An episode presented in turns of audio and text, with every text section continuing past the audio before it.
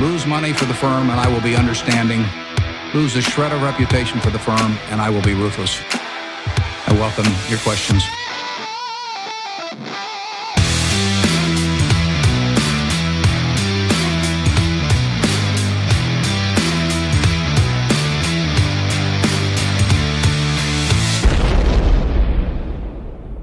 Välkomna till Kvalitetsaktiepodden. Det är jag som är Ola. Ja, och det är jag som är Klas.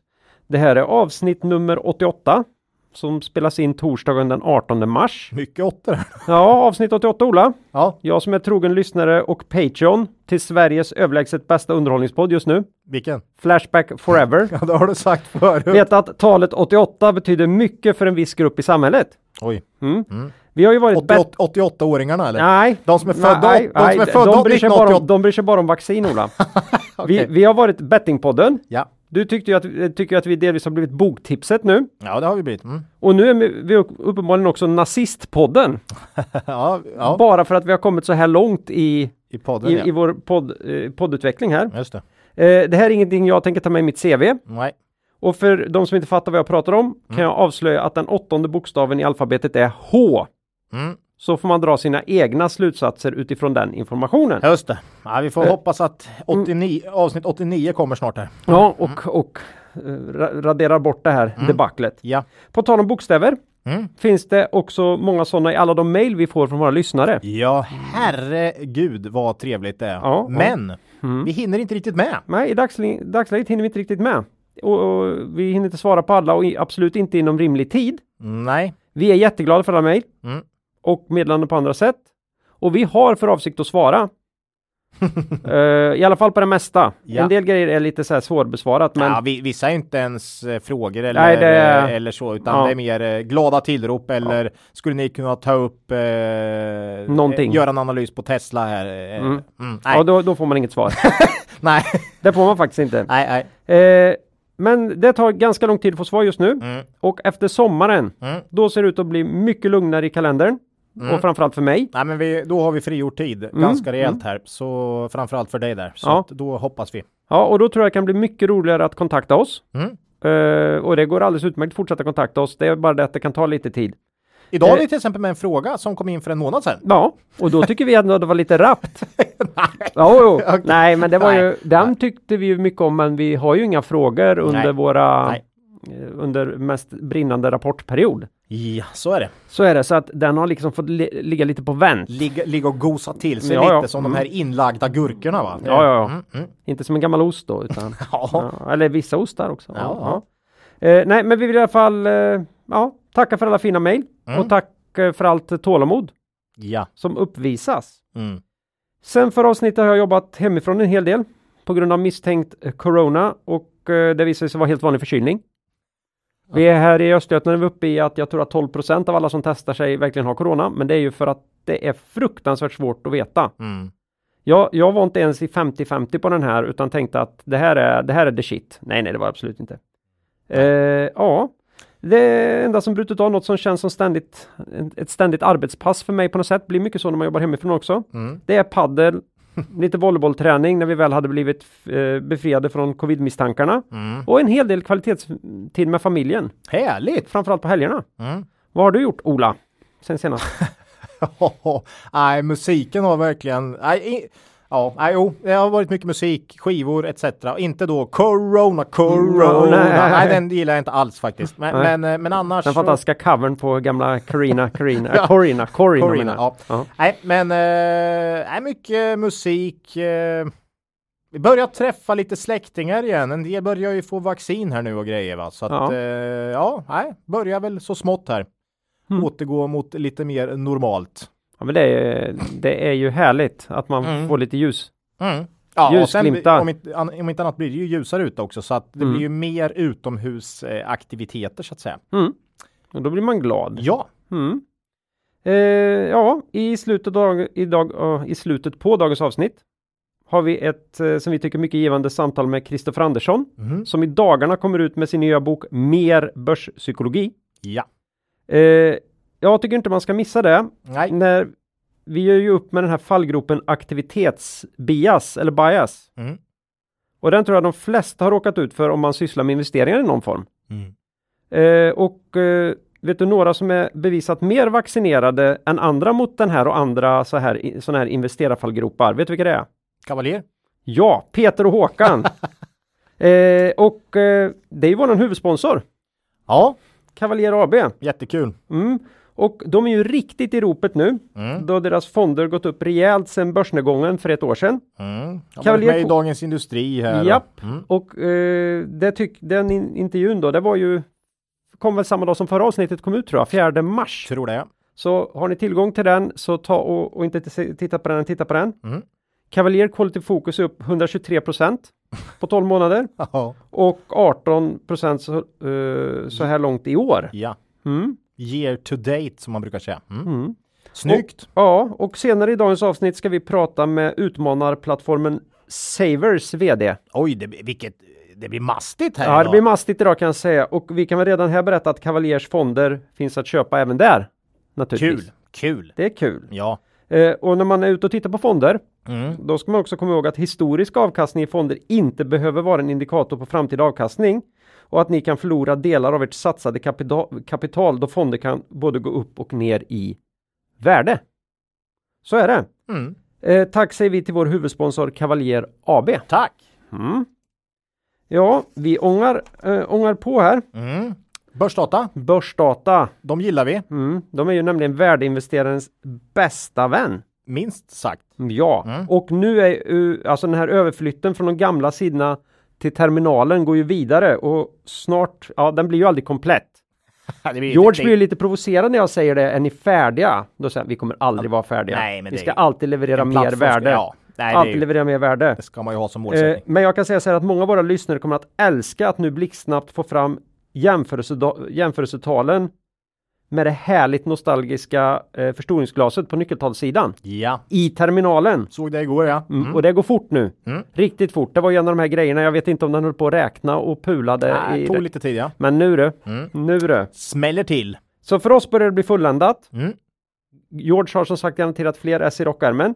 Mm. Så snart får vi ännu mer saker som vi inte visste att vi saknade, men snart inte kan klara oss utan. Det som, 20, 2005 visste jag inte att jag saknade en, en, en iPhone till exempel. Precis. Men, men eh, det brukar väl vara det mest vanliga exemplet på just den utvecklingen.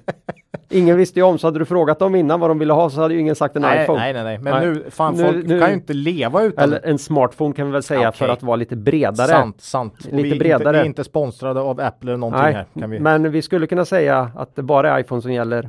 Men då, då ska ju pengarna, pengarna in eller hur Då det? ska pengarna in. Nej, Nej. Apple, har inte varit en dålig, en dålig investering på senare heller. Nej, som allt annat. Som allt annat. sett. Så är det. Ja, eh, tack säger vi till Börsdata. Tack. Mm. Innan vi går vidare i avsnittet vill vi påminna våra lyssnare om att aktieinvesteringar alltid innebär ett stort risktagande. Aktier kan både gå upp och ner i värde. Satsa därför aldrig kapital på aktier som du inte är beredd att förlora. Det vi säger i podden ska aldrig betraktas som köp eller säljrekommendationer. Gör alltid din egen analys av bolagen innan eventuell handel. Aktuellt Ola! Och det är ju aktuellt från förra avsnittet. Ja, du, ville säga, du ville säga något kort om uh, Kabe och Thule. Vi gjorde ju en liten... eh, vi brukar ju ibland eh, flika in lite eh, sådär jäm, eh, vad ska jag säga, vi, vi jämföra mellan olika bolag och sådär. Ja. Vi har gjort Byggmax, Bygg Hemma Group eller BHG Group faktiskt, snackat lite. Liknande verksamheter. Kabe, eh, Kabes eh, affärsområde Komma Fritid då eh, gjorde vi ju en liten jämförelse med Thule. ja, och så försökte vi vara lite tydliga med att vi kanske mest av allt ville visa på Lite skillnader här. och att Thule är rätt dyrt. Ja, eh, man ska komma ihåg eh, här också att Kama Fritid är ju mer av en återförsäljare. Mm. De har egna produkter, eh, men är mer av en återförsäljare medan medans Thule så att säga äger sina takboxar. Eh, Mm. Förstår ni vad jag menar? Ja, de tillverkar de själva. tillverkar takboxarna medans, eh, medans Kama Fritid säljer andras takboxar. Men en hel, inte takboxar kanske, men de har ju en, vissa egna varumärken också. Mm, Eh, så att det är mer att se som en återförsäljare och Kama Fritid har ungefär halva lönsamheten mot, eh, mot Thule. Så PS är ju inte fullt, eh, det är inte jämförbart. Men eh, nej, ändå intressant att se. Eh, väldigt stor skillnad där. Ja, Men eh, som sagt, de där ska man alltid ta med en nypa salt. Och vi kommer fortsätta att göra sådana. Ja, lite då och då bara för att spetsa till Ja, det det är lite. för att vi inte kan låta bli. eh, precis. Tror jag. Mm. Ja.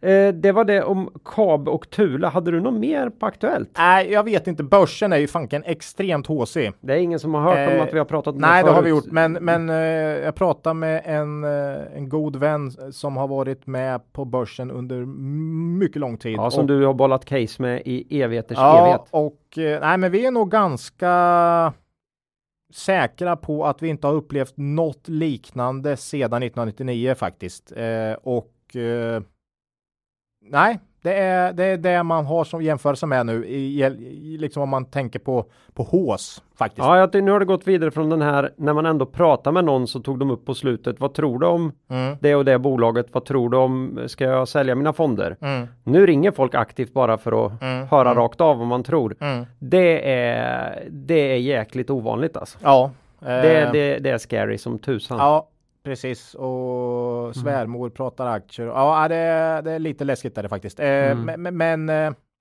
ja, det nej. kan pågå länge än. Fortsätt räkna. Ja, 99 var ju ett hiskligt börsår va? med rejäl upp. Så det, det vet man ju aldrig. Och Nej, det brukar vi säga. det går men aldrig. fortsätt räkna. Eh, Eh. och, och, och tro inte på det här gamla skitna uttrycket dansa nära utgången. För den dagen när, när det börjar brinna, Ja. då kan det visa sig att någon har flyttat på utgången till ett ställe där inte du vet var den är.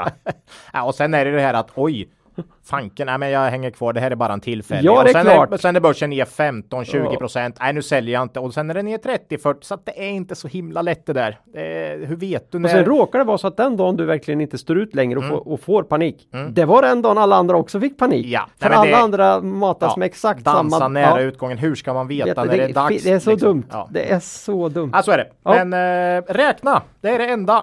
Fortsätt räkna, är det vettigt? Eh, Mm, så ja, är det. eh, Och man måste inte ha alla pengar på bordet jämt om man Nej, inte hittar nej. något man vill ha dem i. Och det är, det är, det är så mycket där ute. En, en, en, grej är ju ofta att istället för PE nu så brukar man gå, istället för PE på nuva, innevarande år så är det nu ev ebit på nästkommande eller nästnästa år bara för att försöka få till någon typ av köpcase då. Eh, Det är ju... Inte för oss, men när man läser olika analyser så har man flyttat fram tiden ett par Mm. år eller något år och sen så har man ev ebit. Det är inte kul. Det är inte kul att ha en tidskrift som handlar om, om börsen och bolag och där du då som ett stående inslag eh, kommer med lite råd kring hur man ska tänka Mm. runt olika aktier och Mm. liksom inte kunna ha med ett enda köp.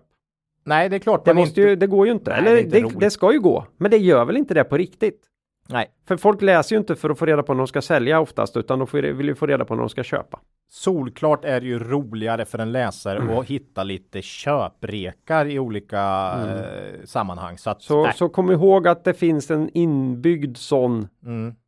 eh, ja, så att säga, Och så- funktion. Ja, och sen har det också det här att många analytiker och eh, analyshus gärna lägger riktkurser som är hyggligt nära nuvarande kurs hela tiden. Så man flyttar det här tro, liksom. Mm. Ja. Eh, så att man vill ju liksom Det- inte sticka ut. är man vill inte sticka ut för mycket. Det är anchoring effekt också. Ja, Den, den kan man läsa om i börspsykologiböckerna. ja, Mm. som vi ska ha en intervju med här senare. Ja, men vi tar nog inte just upp den effekten. Nej. Men eh, det finns många roliga effekter som man, och fallgropar man kan åka dit på.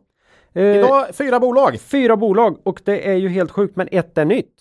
Ja, Och det är lite roligt för när du sa det att det bolaget var nytt för podden Mm. då trodde inte jag på dig. eh, för det här är ett bolag som jag var jätteintresserad av för två och ett halvt år sedan. mm. Och eh, det är nog bra att jag stått vid sidan av för det har egentligen inte hänt sådär jätte, jättemycket förrän på senare tid. Mm. Så att det ska bli mycket intressant. Vi säger inte ens vilket det är nu, utan det dyker upp här för det är nämligen fyra på listan också. Ja. Så då, kan man, då vet man direkt att det är någonting med, som kommer lite senare i alfabetet ändå. ja, förmodligen kommer du skriva det i eh, avsnittpresentationen också. Fan, det gör jag ju alltid. Ja. Men folk läser inte avsnitts... eh, Om ni inte har läst, läs inte den så blir det en nej, hemlighet. nej, Så blir det en hemlighet. Folk Ja. läser inte avsnittspresentationen då. det är bara trams. Man går dit när man vill få information i efterhand. Ja. Och då vet man redan. Ja. Eh, ja. Eh, Men det första är banne mig ingen, ingen nykomling. Nej, nej det, ska, det måste nästan vara första gången man lyssnar på podden om man ska tro att det här är en nykomling i, i, i KAP.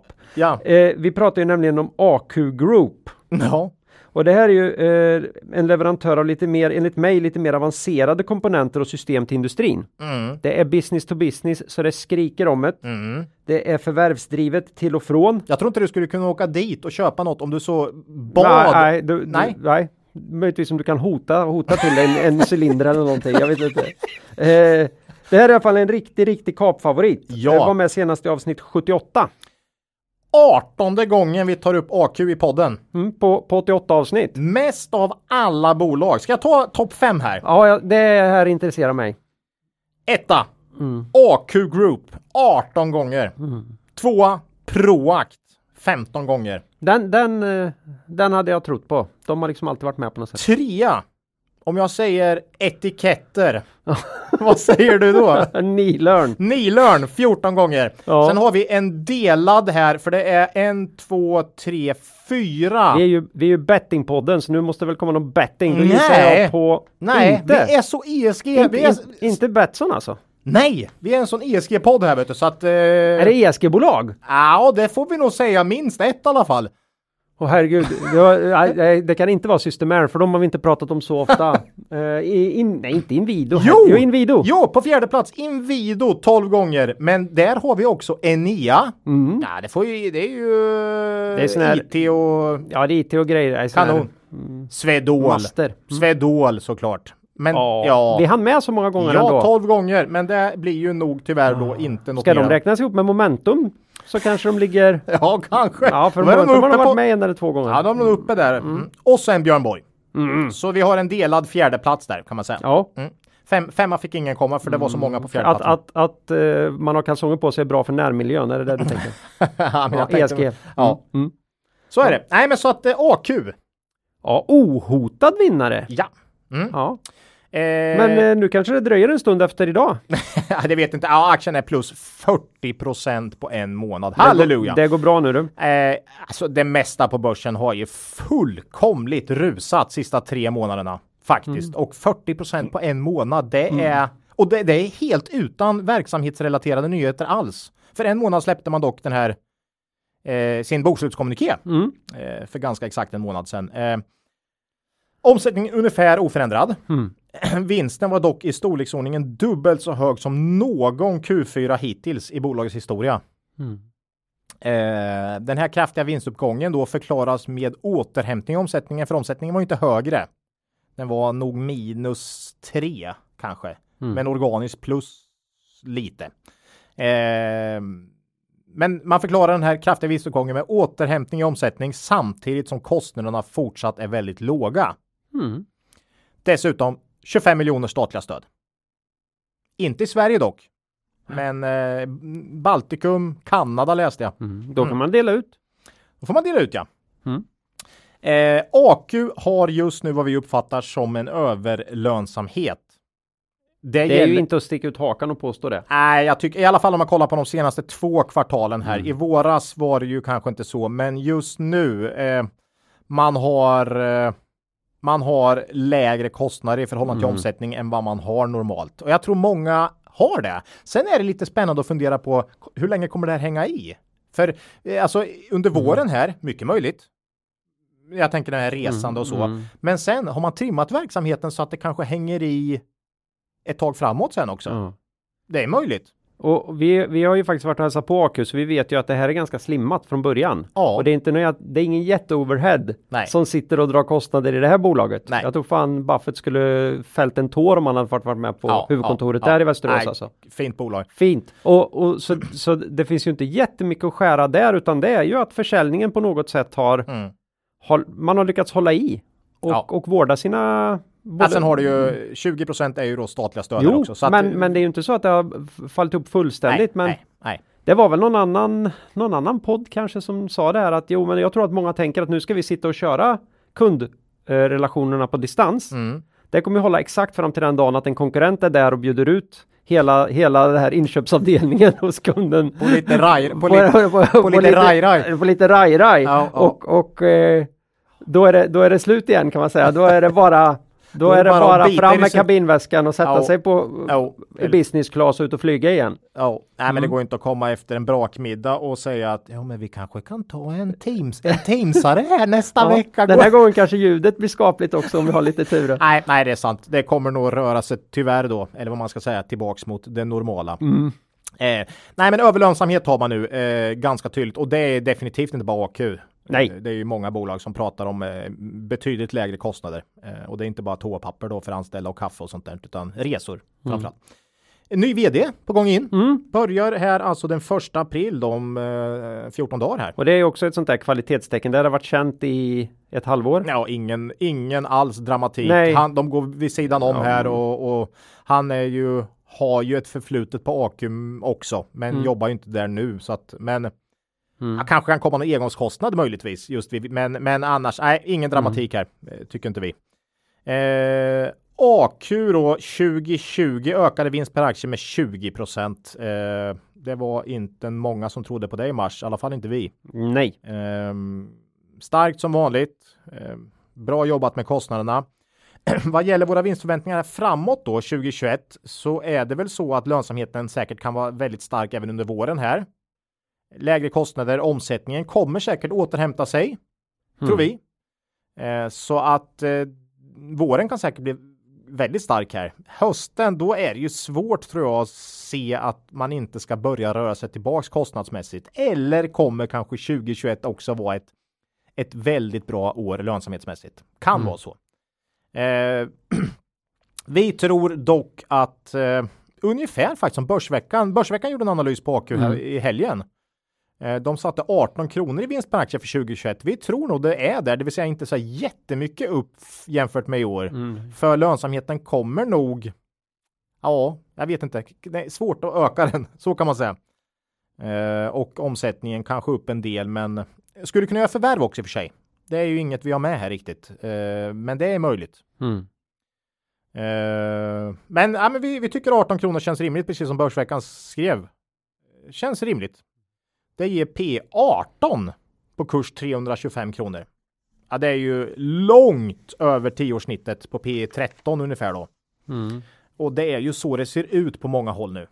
Ja, och det är ju långt över vad man, man kan tänka sig ska vara normalt för ett bolag med den tillväxten. Vi har ju dock, Mm. som trogna lyssnare vet, alltid sagt att AQ har haft för låg värdering. Ja, P11, 12, 13 många gånger liksom. Eh, men P18 känns ändå lite mastigt. Eh, det, det, det tycker vi. Vi har nog sagt 15, eh, 15 kanske 16, fin tillväxt, bra historik. Men 18, ah, nu, nu, nu har det gått lite, och de här 40 procenten har gjort mycket på slutet här. Ehm, Det är ganska mycket på kursen faktiskt. det är lite stretchat. Det är lite stretchat. Eh, Mm. så, så att eh, AQ har klarat 2020 jättebra. Kan säkert bli en bra vår. Lönsamheten bör dock ner jämfört med andra halvåret här. Mm. Eh, man har ju, ja, tror jag, eh, på sikt. Så är det. Klassföretag. Det har vi alltid tyckt, tycker vi fortfarande. Eh, och att eh, aktien har gått upp är ju inte AQs fel. Nej. Kan man ju inte beskylla dem för. Eh, men i och för sig, allt har gått upp så. Mm. Ja, så är det. Nej, men eh, AQ, eh, lite väl eh, stor kursuppgång på slutet. Mm. Mm. Men, Men bra tagit sig- prestation ja, som vanligt. Bra prestation Ja. genom coronan. Ja. Vi ångar på till Balco. ja, tyvärr inte lika roligt Nej, där. det är ju gränsland mellan vinter och vår. Mm. Då kan det vara skönt att ha balkongen inglasad. Ja, Och då vet du vart du ska ringa. ja. Mm. De var med i avsnitt 84. Mm, lite senast. uppföljning. Så vi skulle följa upp på dem sa vi. Det verkar inte vara så många som har ringt till Balco här. Nej. Eh, tyvärr. Trots Nej. det är kallt på balkongen utan nu kan jag säga. Ja, man jo. går ut och ser så soligt och fint ut. Man går ut och sätter sig lite. Mm. Nej, ska jag säga. Det är... Nej, det var är- inget roligt då för Balco det här. Eller ska jag säga ett roligt andra halvår? För precis motsatt AQ här så var Mm. det ju, klarade de våren väldigt bra på allt som de hade liksom igång. igång. Mm. Men nu, det är liksom, man skriver så här, vår unika försäljningsmodell där vi jobbar nära kunden genom hela processen är beroende av att människor kan, kan och vågar träffas. Mm. Det låter inte så där klock Nej. nu då. Och då, då kan man väl läsa mellan raderna här också att de jobbar ju mycket med bostadsrättsföreningar. Ja, Det är, ju, det- är ju inte jätteovanligt att folk får tid att vara ordförande och ansvariga för sådana här föreningar lite sent i sin, nej, i sin. Kanske till och med man är pensionär ibland. Ja, väldigt understatement. Ja. Ny, man, det skriver, är så tungt för ja, dem. man skriver så här, nya metoder har utvecklats under året Mm. för att få försäljningen att fungera där visningarna förlängs från en Mm. till tre dagar så man kan sprida ut. Eh, och sedan sker röstningen till en extra stämma då Mm. med poströstning. För det här ska ju röstas Ja, igenom klart. på på, eh, förening, för, på stämmor Ja, ja. hos bostadsföreningarna Mm. här, bostadsrättsföreningarna. Så det, man skriver att det börjar gå funka bättre och bättre i Sverige, men det har ju drabbat dem hårt det här, eh, Balco. Mm. Ja, Helt- Den här grejen tänkte inte jag alls på. Det är en typisk sån grej. Den, den här såg inte jag komma. Nej, det gjorde förhoppningsvis insåg Balco det ganska tidigt här i Ja. våras. Eh, att stämmorna nog inte skulle kunna hållas på normalt sätt och, och att eh, det är många äldre inblandade kanske i i de här eh, Ja, först är ju många äldre inblandade och sen vill man ju inte ha folk springandes. Nej. Eh, Alltså du vill ju inte göra grejer nu som du inte måste göra. Nej. Och det här är väl tyvärr en sån sak. Ja. Nej, Balco däremot skulle ju kunna få en riktig skjuts uppåt Mm. Ja. här när, när, För när. tänk så många som har suttit ute och frusit på sina balkonger nu och va- varit hemma Mm. Och känt att nu hade det varit nice Ja, nej, och, vi- och kunna bära ut datorn på balkongen här och sitta och jobba där. Jag tror en hel del har sagt vi skjuter upp våra, vårat balkongsnack till nästa år och det kan bli en omvänd effekt här. Mm. Hoppas Balco är redo för en sån en sån ut, eh, eventuell utveckling då. Eh, nej men omsättning här, orderingång och allt. Orderstock har ju rasat här sista halvåret och det lär väl då påverka första halvåret 2021 ganska negativt. Det, det säger man, man flaggar för det själv också. Eh, inget kul första halvår för, för Balco 2021 heller alltså. Eh, och jag tror ska man investera i Balco så är det nog den här bouncen man eh, får hoppas på Mm. när den nu kommer. Eh, liksom eh, pre, eller vad säger jag, post, Mm. post corona. För förmodligen kommer det vara en jäkla uppdämd, eh, uppdämd behov, eller hur? Mm. Eh, och det är nog den man i så fall ska försöka tajma. Eh, och det, ja, det är ju svårt alltså. Men Balco kommer garanterat komma tillbaka till sina historiska vinster tror jag. Och förbi. Den här bouncen kan ju göra att det också blir ännu bättre. Mm. Så att... Eh, ja, Nej, man, jag tror inte de är förvär- är rädda för att förvärva på sikt. Man, det har, man är ju- i princip skuldfria. Man gjorde ett förvärv nu. Oh, Eh, inte stort, men ändå. För Mm. någon månad sedan här. Så att jag tänker att det, fin- det är fortfarande en viss fragmentering på den här marknaden. Det Verkar finns ju så, ja. definitivt mer att göra här Ja. om man vill konsolidera. Ja, eh, så, så att möjligtvis är så att ja, det blir svagt under våren, men att Balco trimmar och Mm. förvärvar, det vill säga man bygger ett bättre Balco och sen kan det bli en effekt, motsatt effekt Mm. uppåt då. Då skulle det kunna vara intressant med Balco, men just nu är det lite för jobbigt skulle jag säga, om man inte vill ta ett lite längre bett här. Man gjorde 5 kronor i aktier 2019.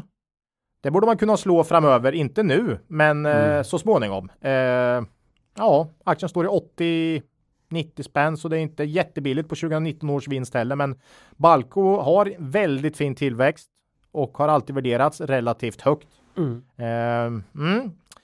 Bolaget är i princip skuldfritt, kan säkert fortsätta förvärva också. Nej, den balansräkningen eh, förskräcker ju inte på något sätt. nej, nej. Jag tror det kan uppstå ett intressant läge i Balco under 2021. Vi ska Eh, hålla järnkoll. Och eh, lägg upp Balco på era bevakningslistor och eh, räkna och fundera.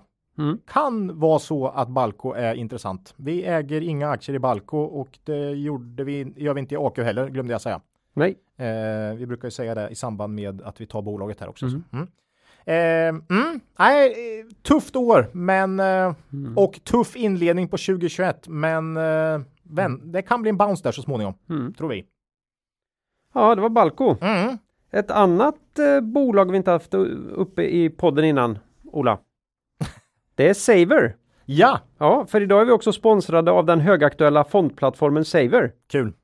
Eh, för några dagar sedan hade vi ett samtal på länk Mm. med eh, Daniel Arenstrup som är grundare och VD på Saver.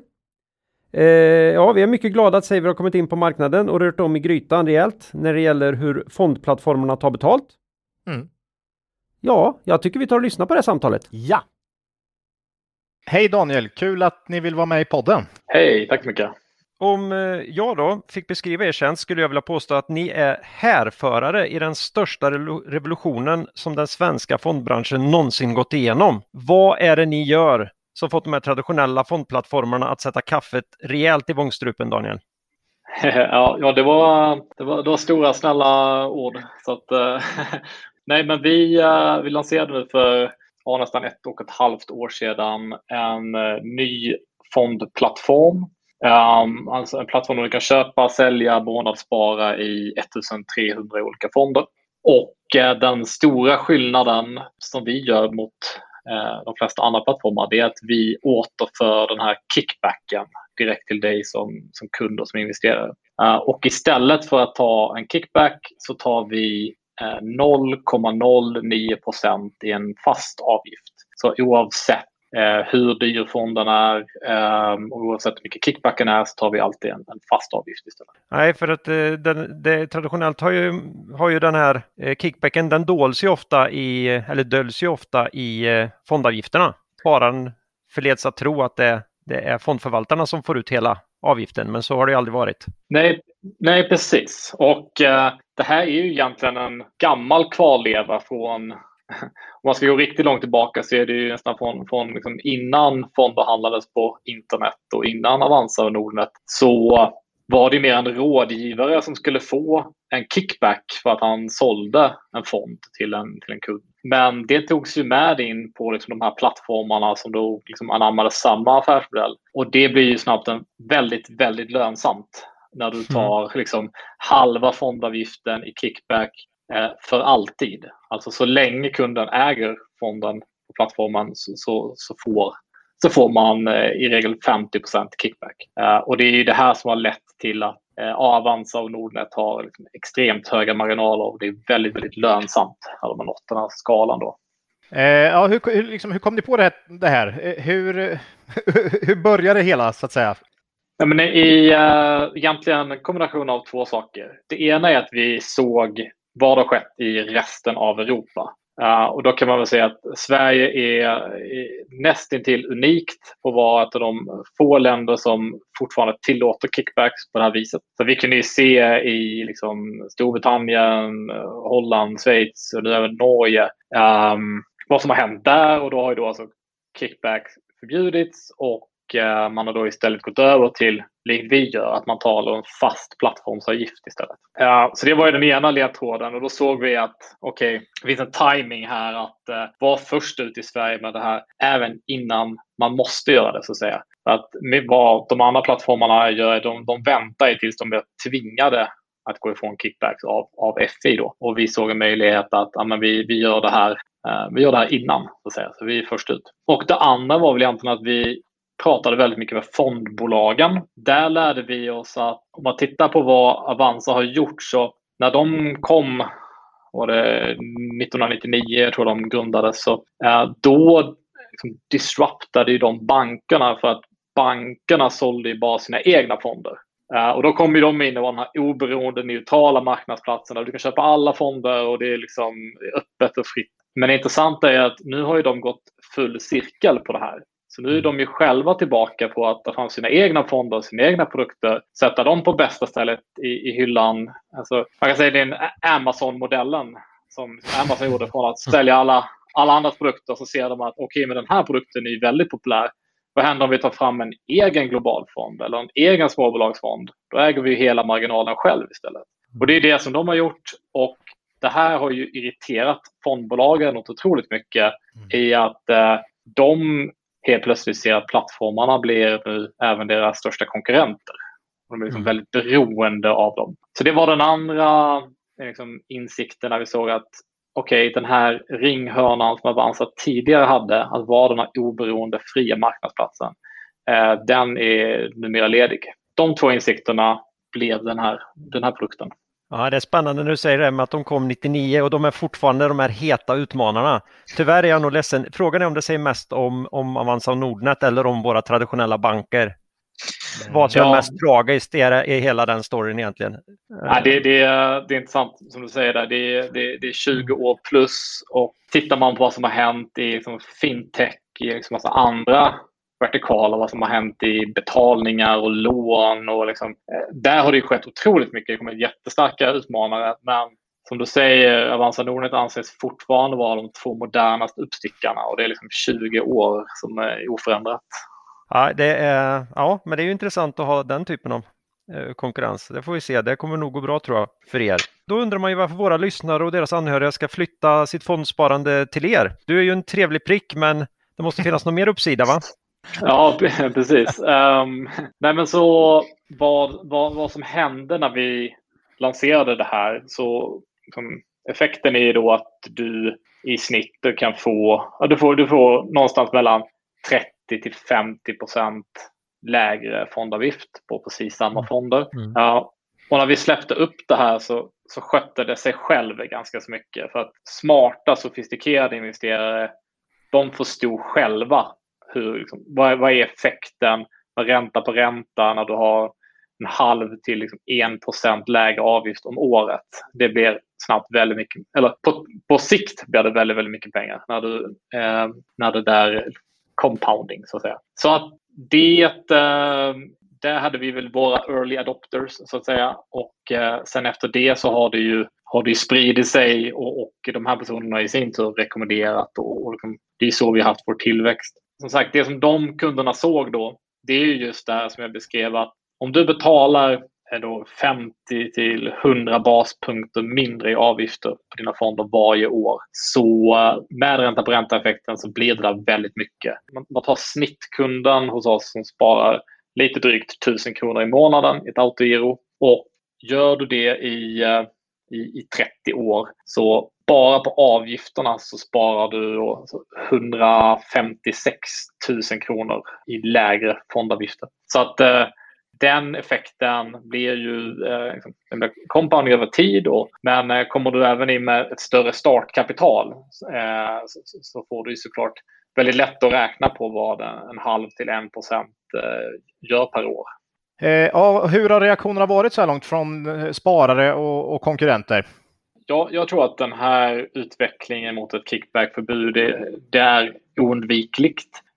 Men det som vi kanske har lyckats göra med här det är väl att accelerera den, eh, den utvecklingen ganska, ganska så fort. Vi lanserade på ett sätt väldigt medvetet på ett sätt så, som tog branschen lite, lite off guard.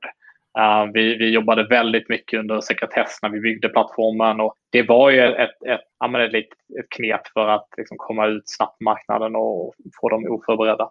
Det, det, finns ganska många som påverkas av en sån här sak. Det finns ju uh, bankerna har ju sin typ av affär. De har ju väldigt mycket egna kunder och sparare som sitter i deras egna fonder. För dem är det liksom en viss situation. Och sen så har vi då Avanza och Nordnet som är väl de som kanske är mest spotlight på i den här frågan. Problemet för dem är att de har idag en så otroligt lönsam befintlig affär på det här att det är inte så lätt för dem att bara sänka den här avgiften eller liksom ta bort den här kickbacken. Som ett noterat bolag, högt värderat noterat bolag där väldigt stor del av det sista rad är på den här typen av kickbacks. Det är inte, det är inte bara att följa efter för att, för att eh, någon uppstickare eh, tar lead på det. Så att eh, det har ju skett väldigt lite skulle jag säga.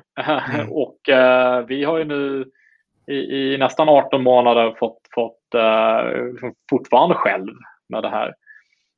Um, och nu um, var det bara här i, i veckan som uh, Avanza gjorde sitt första liksom, man säger, lite motdrag i den här frågan. Och de eh, gjorde den här Avanza Start, tror jag det heter. Um, att Eh, de betalar tillbaka fondavgiften om du har under 50 000 kronor i eh, totalsparande. Men det, det, det är ju en, eh, det är ett bra första steg och det är liksom en, eh, jättebra för nybörjarkunderna vad det är, det, det är ganska likt vad de gör med Avanza Zero. Det, det är mest en marknadsföringsprodukt. Det ligger, där kostar de inte så mycket och det ligger väldigt, väldigt lite pengar i sådär små eh, depåer. Om, man tittar, om vi jämför med oss själva så, så är det 3% av vårt kapital ligger i, i eh, liksom, konton som hade innefattats av det, eh, och det erbjudandet. Så att, och jag, jag kan tänka mig att den siffran är ännu mindre hos Avanza. Mm. Uh, så, så det, det är väl det vi har sett. Så är det ju. Hur, hur, hur stora har ni blivit? Hur många kunder har ni då? Så nu eh, passerar vi nog vilken dag som helst eh, 60 000 kunder. Oj. Och då växer vi ändå med en, i, i närmare än, än 10 000 kunder i månaden. Så att det har ju gått eh, exponentiellt mot slutet och vi eh, passerade 2 miljarder i AUM. Det tog, eh, det tog ganska exakt ett år att nå den första miljarden. Uh, men det tog tre månader att nå den andra miljarden. Så det, ja, det är... uh, kul, kul. Ja, ja det, så, att, så, att, så det har ju gått fort och sen så har, ju då, har vi såklart fått in, fått in ganska mycket bra riskkapital och, bra ägare till bolaget som, som har en väldigt långsiktig och, och ambitiös plan. Så att det, det finns ganska mycket kvar att göra.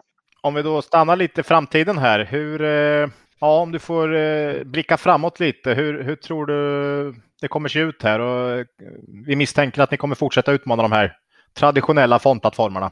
Så de två stora sakerna som vi har framför oss, det ena är tjänstepension. Om man tycker att eh, det finns eh, liksom mycket marginaler och, och, mycket möjligheter på, på ISK-depåer och fondsparande så är det ingenting mot vad det finns i liksom, försäkringssystemet och, och tjänstepension. Så att eh, det är någonting som vi eh, jobbar för fullt med. Och eh, en annan sak som, som också kommer inom väldigt kort, det är möjlighet att eh, flytta in gamla fonddepåer Ja, och det kan man tycka. Vem, vem använder fonddepåer eh, idag? Men det ligger faktiskt fortfarande mer fondpengar i gamla fonddepåer än vad det gör i ISK. Och, och, det är ju på grund av den här skatteeffekten då när du ska liksom realisera det och flytta det till en, till en ISK. Så att eh, eh, vad man kommer kunna göra är att du kan eh, flytta gamla fonddepåer in till oss. Då får du fortfarande din fonddepå hos oss.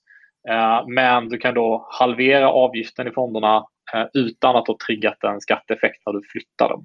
Eh, mm. Så det, eh, det är en jättestor möjlighet som vi kommer in i snart. Så att det, vi jobbar på, på ganska, ganska stor bredd av saker samtidigt skulle jag säga. Jag förstår mm. det. Ja, nej, det ångar på. Det har varit jättekul att prata med dig här idag Daniel. Men som avslutning här då så måste vi också nämna att vår huvudsponsor Cavaliers fonder finns ju hos er. Mm. Eh, och jag, som jag förstår det, enda skillnaden är att eh, ja, man får samma förstklassiga förvaltning fast till lägre pris. Ja. Och eh, ni har väl en hel rad naturligtvis med oberoende fondförvaltare som ansluter sig så här långt. Fondförvaltarna tjänar ju lika mycket eh, på sina fonder mm. hos oss som de gör hos Avanza och Nordnet. Så att det enda, liksom, fördelen för dem är ju att eh, kunden betalar mindre. Så att om kunden betalar mindre så då blir fonden eh, mer konkurrenskraftig. Du får ju liksom en bättre avkastning på ett index om du lägger på en halv till en procent eh, varje år. Så att eh, i, i, deras fall så, så uh, har de inte så mycket att förlora. Nej, eh, väldigt, väldigt, väldigt positivt. Mm. Ja, eh, jag kan också tipsa alla våra eh, lyssnare om att det här räkneexemplet, vad kan man tjäna på det? Ni har ju en jättebra räknesnurra på er hemsida. Eh, jag har själv varit där och blivit lite sugen. För det, finns ju, eh, det är inte bara en själv som har pengar i fonder utan man har ju ofta anhöriga också som kanske inte är lika aktiv som, eh, som jag och Ola är. Och då, är ju, då, då hamnar man ofta i fonder och då det, vill man ha så låg avgift som möjligt.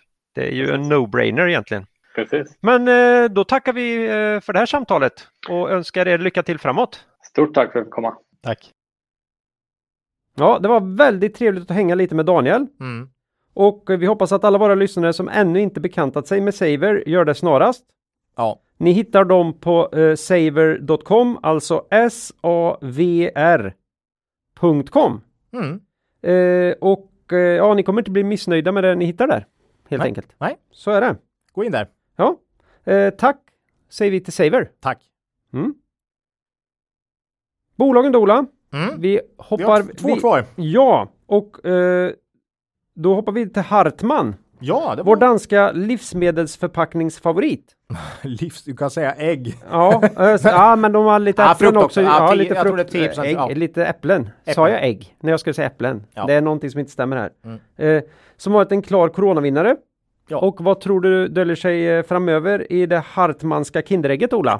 De var med i avsnitt 72 senast. Ja, det här är ju ännu också ett bolag vi verkligen gillar. Mm. Eh, Ja, Det var lite kärlek vid eh, första, Första ögon, ögonkastet. ögonkastet. faktiskt. Eh, 2020 blev ett fantastiskt år för Hartman. Eh, inget snack om det. Omsättningen upp cirka 10% Det är över deras historiska tillväxt.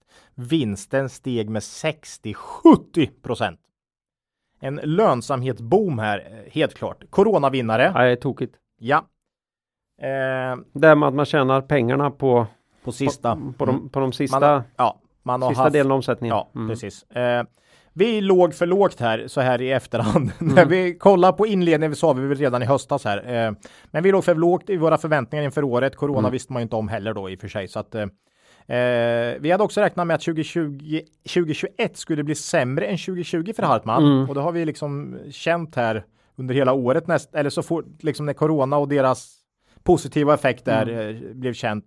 Eh, men med bolagets nya prognos här som man släppte precis för 2021 så verkar bolaget själva tro för ungefär samma vinst för 2021 som för 2020 då justerat för engångsposter. Eh, man tror for- fortsatt på tillväxt.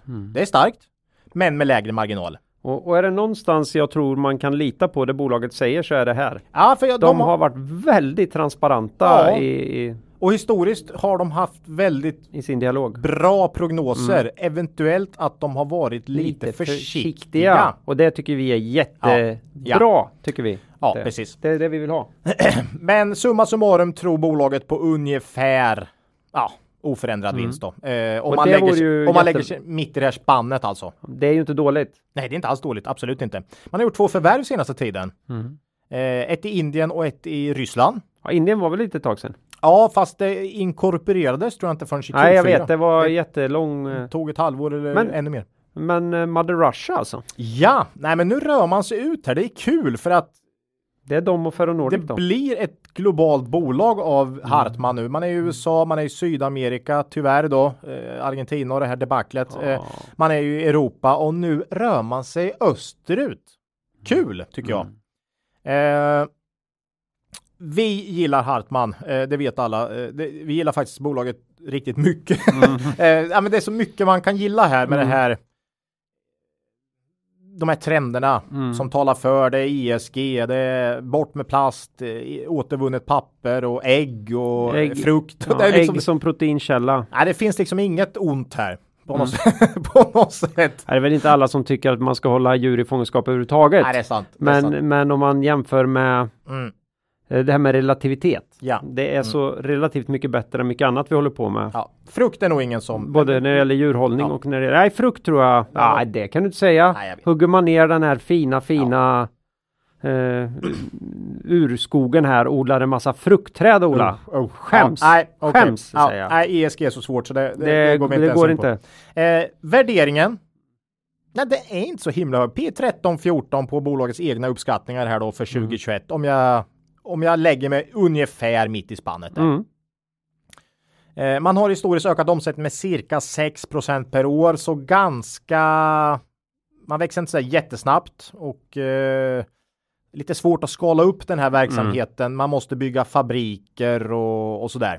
Eh, men oerhört stabil verksamhet. Stabil tillväxt. Man, det är bara något år som omsättningen har minskat och då är det minus 2 procent. Eh, lönsamheten bör väl sjunka ner mot det finansiella målet kan jag tycka. Den upp, lönsamheten är uppe på 17 procent nu i rörelsemarginal. Det kanske man inte ska ha Nej, för... och deras prognos för äggkartonger. 2021, eh, där förväntar de sig en lägre marginal. Det är helt tydligt. Eh, men den ska väl eh, som, liksom röra sig neråt igen så att det är svårt att se någon sån här riktig vinsttillväxt utan det blir nog kanske oförändrat. Mm. Rimligt. Eh, vi tycker nog att man bör värderas till P15. Det har vi sagt förut. Och vi säger det igen. Vi säger det igen. 14, 5, äh, säg 15. ESG, de har visat sig under året här. De har ganska låg tillväxt, men trots det så tycker vi P15 det är stabil och eventuellt då en ESG boost också. Så aktien framstår inte som dyr, Nej. dock ingen särskilt stor margin of safety här eh, och dessutom vinsten står stilla kanske då under året. Eh, vi tror Hartman är bra i en buy and hold portfölj över lång tid här. Stabilt och bra strukturell vinnare. Vi äger inga aktier i Hartman heller för tillfället. Vi får se om det uppstår något intressant köpläge under 2021, lite som Balco där. Mm. Eh, vi vill ha en margin of safety. Mm. Nu, nu bröt det fram en liten svettpärla i pannan på mig när du sa buy and hold. Mm. Det skulle vara jättespännande att försöka sätta ihop en buy and hold nu. Oh. Även fast man ska vara långsiktig. Det är, hur man, det är Mm. jobbigt Mm. när, man, Ja. när man känner någon slags eh, Ovilja berörings... att köpa. Ja, ovilja att köpa. Mm. Även om det ska Mm. vara på lång sikt. Ja. Ja. Ja, det är skönt Men att det, har- det, är, har- det är skönt att det, skulle fått vara med. Ja, Mm. Så vi har ett. ja. Mm. Är det skönt att det är ett bra tag till december? Ja. Mm. Och våran buy and hold. Det var någon som gjorde oss uppmärksamma på Twitter eller om... Jo, Ja, det var nog på Twitter. Det ja. var Twitter tror jag. Är det så... Ja, det bara visar hur galet det har varit. Jag tror buy and hold för i år är upp 30% på eh, Mm. tre månader. Liksom. Är helt galet hur Mm. börsen går. Uh. Ja, så är det. Eh, det är lite mer än vad man ska hoppas på per år. Lite så. På- Det kän... mm. Kanske något man kan hoppas på på två eller tre år. På några månader här. ja, Och mycket av det absolut senaste tiden också. ja. Fy. Ja, Så är det. Så är det. Men Nej, det men, var... eh, bra av Hartman och eh, ja, deras förväntningar för 2021 eh, är ju bättre än vad vi hade trott på för eh, ett halvår sedan. Mm. Mm. Det är Eh, kul. Bra bolag. Japp. Nykomlingen där är det dags för Nola. Ja, Den här oerhört ohemliga nykomlingen. eh, det här är Railcare. Jaha. Ja, de tillhandahåller underhålls och servicelösningar för järnvägsspår. Mm. Men även logistiklösningar på järnväg. Mm. Samt försäljning av egenutvecklade maskiner i det här segmentet. De är verksamma främst, ja, främst i Sverige men i Norden och UK. Mm. Ja, och det tycker jag inte är fel. Det är väl inte fel. Nej. Och de började, det här är ju lite kul, men de, bolaget startades eh, 90-talet någon gång med en sån här. 94 kanske med 92. en, en sån här rail vac, rail vac, Mm. en, en vakuumsugare som, som en jävligt offensiv dammsugare kan man Städar säga. spåren på något sätt. Nej, va? städar, de suger för fan upp materialet. De bara, de käkar, de käkar makadam vet Ja, du, som vi, ja. vi käkar i den asiatiska buffén här nere Ola. Det är helt, Ja. Det är helt galet. Ja, det är grymma grejer det där. Det är alltså. grymma grejer och sen har de bara byggt på med prylar runt det där. Ja. Och mer och mer och snören och grejer. Men du kommer ju ta allt det här men jag, jag gillade ju det här bolaget. Jag gillade det och jag gillade det jättemycket för två och ett halvt år sedan. Nej, det är dina, Men mm. kom aldrig med i podden. är det dina ingenjörs... Ja, Din ingenjörsådra som... Ah. som ja. det är nog den. Nej, men ska vi försöka få lite grepp om Railcar så får man säga det är fyra affärsområden om man ska bryta ner det lite då. Det är Transport Skandinavien. 46 procent. Det är alltså transporter. Det är inte själva... Är det i det benet som den här eh, jätteaffären eh, ligger med att köra järnmalm? Ja, det är det ju. Ja, och Mm. den fanns ju inte för bara några år sedan. Ja. Det ligger nog under så kallade specialtransporter skulle jag tro. Mm. Man har även reparationer och underhåll av lok och sånt där. Mm. där. Så 46 procent transport Skandinavien. Mm. 40 procent entreprenad Sverige och där har du ju då det här spårunderhåll, Mm. snöröjning. Ja, vad är det mer? Det är dränering. Ja, så. Ja, det är allt möjligt man behöver göra runt eh, spår, Spår. och även eh, eh, man kan fixa med så här eh, vattentunnlar eh, höll jag på att säga. ja, men, ja, men det är väl dränering lite. ja, Mm. och relina, relina gamla rör och sånt. Ja, Så att det håller länge. precis. Mm. 40 procent. Maskinförsäljning 21 procent Claes. Trummor heter det, vattentrummor. Jag Okej. tappade bort mig helt här. Tack. Bra. Maskinförsäljning 21 procent. Den måste ha vuxit. Ja. Det var inte så stort när jag när jag verkligen grottade i det här utan eh, men det, de utvecklar ju nya grejer hela tiden. ja, man säljer alltså fysiska prylar Ja, här. man säljer sådana här eh, railvax och grejer. Ja, och här har man alltså då tagit fram nu lite av titeln på podden. Va? Man har tagit fram en batteridriven MPV. Vet du vad MPV står för? Det vet jag. Det är multipurpose. Kan det vara vehicle? Det är Ja, tråkigt. Det borde vara multipurpose. wagon eller något. Ja, vehicle. multipurpose vehicle. Alltså man har tagit fram ett batteridrivet sånt här eh, fordon som som eh, fixar spår. Det är ju jättestora tåglok liksom kan man säga. Som, rejäla. ja, Ja, ni Som- kan gå in på hemsidan och kolla. Det är rejäla grejer alltså. Det är rejäla grejer. Det är coolt att se den här vakuum, vakuumsugen när den går igång och suger sten liksom. Mm. Det, är, helt- det är helt sjukt. Så nu har man tagit fram en batteridriven sån Mm. eh, som då är eh, i färd med att säljas tror jag i Mm. princip. Eh, mm. Och det är därför vi tar upp de här för att vi räknar med att det blir Tesla-värdering på det här. ja, Ja, det räcker ju med att en, en av de här de tillverkar värderas som Tesla så försvarar det ju värdet i hela bolaget då. ja, precis. Nej, nu ska vi inte göra en komma, nej, komma nu ska vi inte göra komma fritid igen. Nu ska vi inte göra en komma fri, komma fritid och Thule igen Lex, lex komma fritid Ja, Ola. nej, Lex komma nej. fritid. Nej.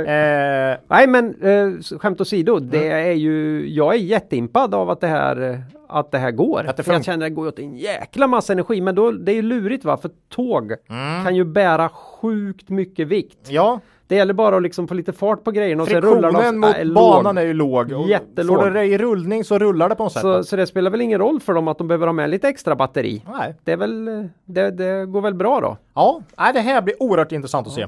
Från diesel till direkt el då. Ja. Mm. Eh, sen har du då sista affärsområdet här. Eller affärsområde, jo men det kan man säga. Entreprenad utland. Mm. Det vill säga underhåll och sånt i UK, Danmark, Finland och eh, Norge. 15 procent, så det är inte mycket. Men Nej.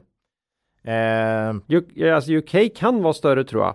det, Det beror var, helt det, på- Jag tror det var. Det, det beror helt på hur de ligger i sina såna här eh, planer. Du Ja. kommer in på det med att Mm. man har ett visst eh, beroende av hur staten väljer att investera i, sina, i sin infrastruktur här. Ja, för det måste vi ta upp. Mm. Kunderna består ju till ganska stor del av statliga bolag här. Mm. Eh, I Sverige Transportverket. Eller styrelse, vad heter det? Trans- Nej, vad heter det? De som... Eh, Transportverket. Banverket? Nej, jag vet inte. Ja, Banverket finns ju i alla fall. Mm, mm. Eh, vi säger att det heter så bara så går vi vidare. Annars får vi klippa bort det. Ja, ja. det brukar vi inte göra, men ja.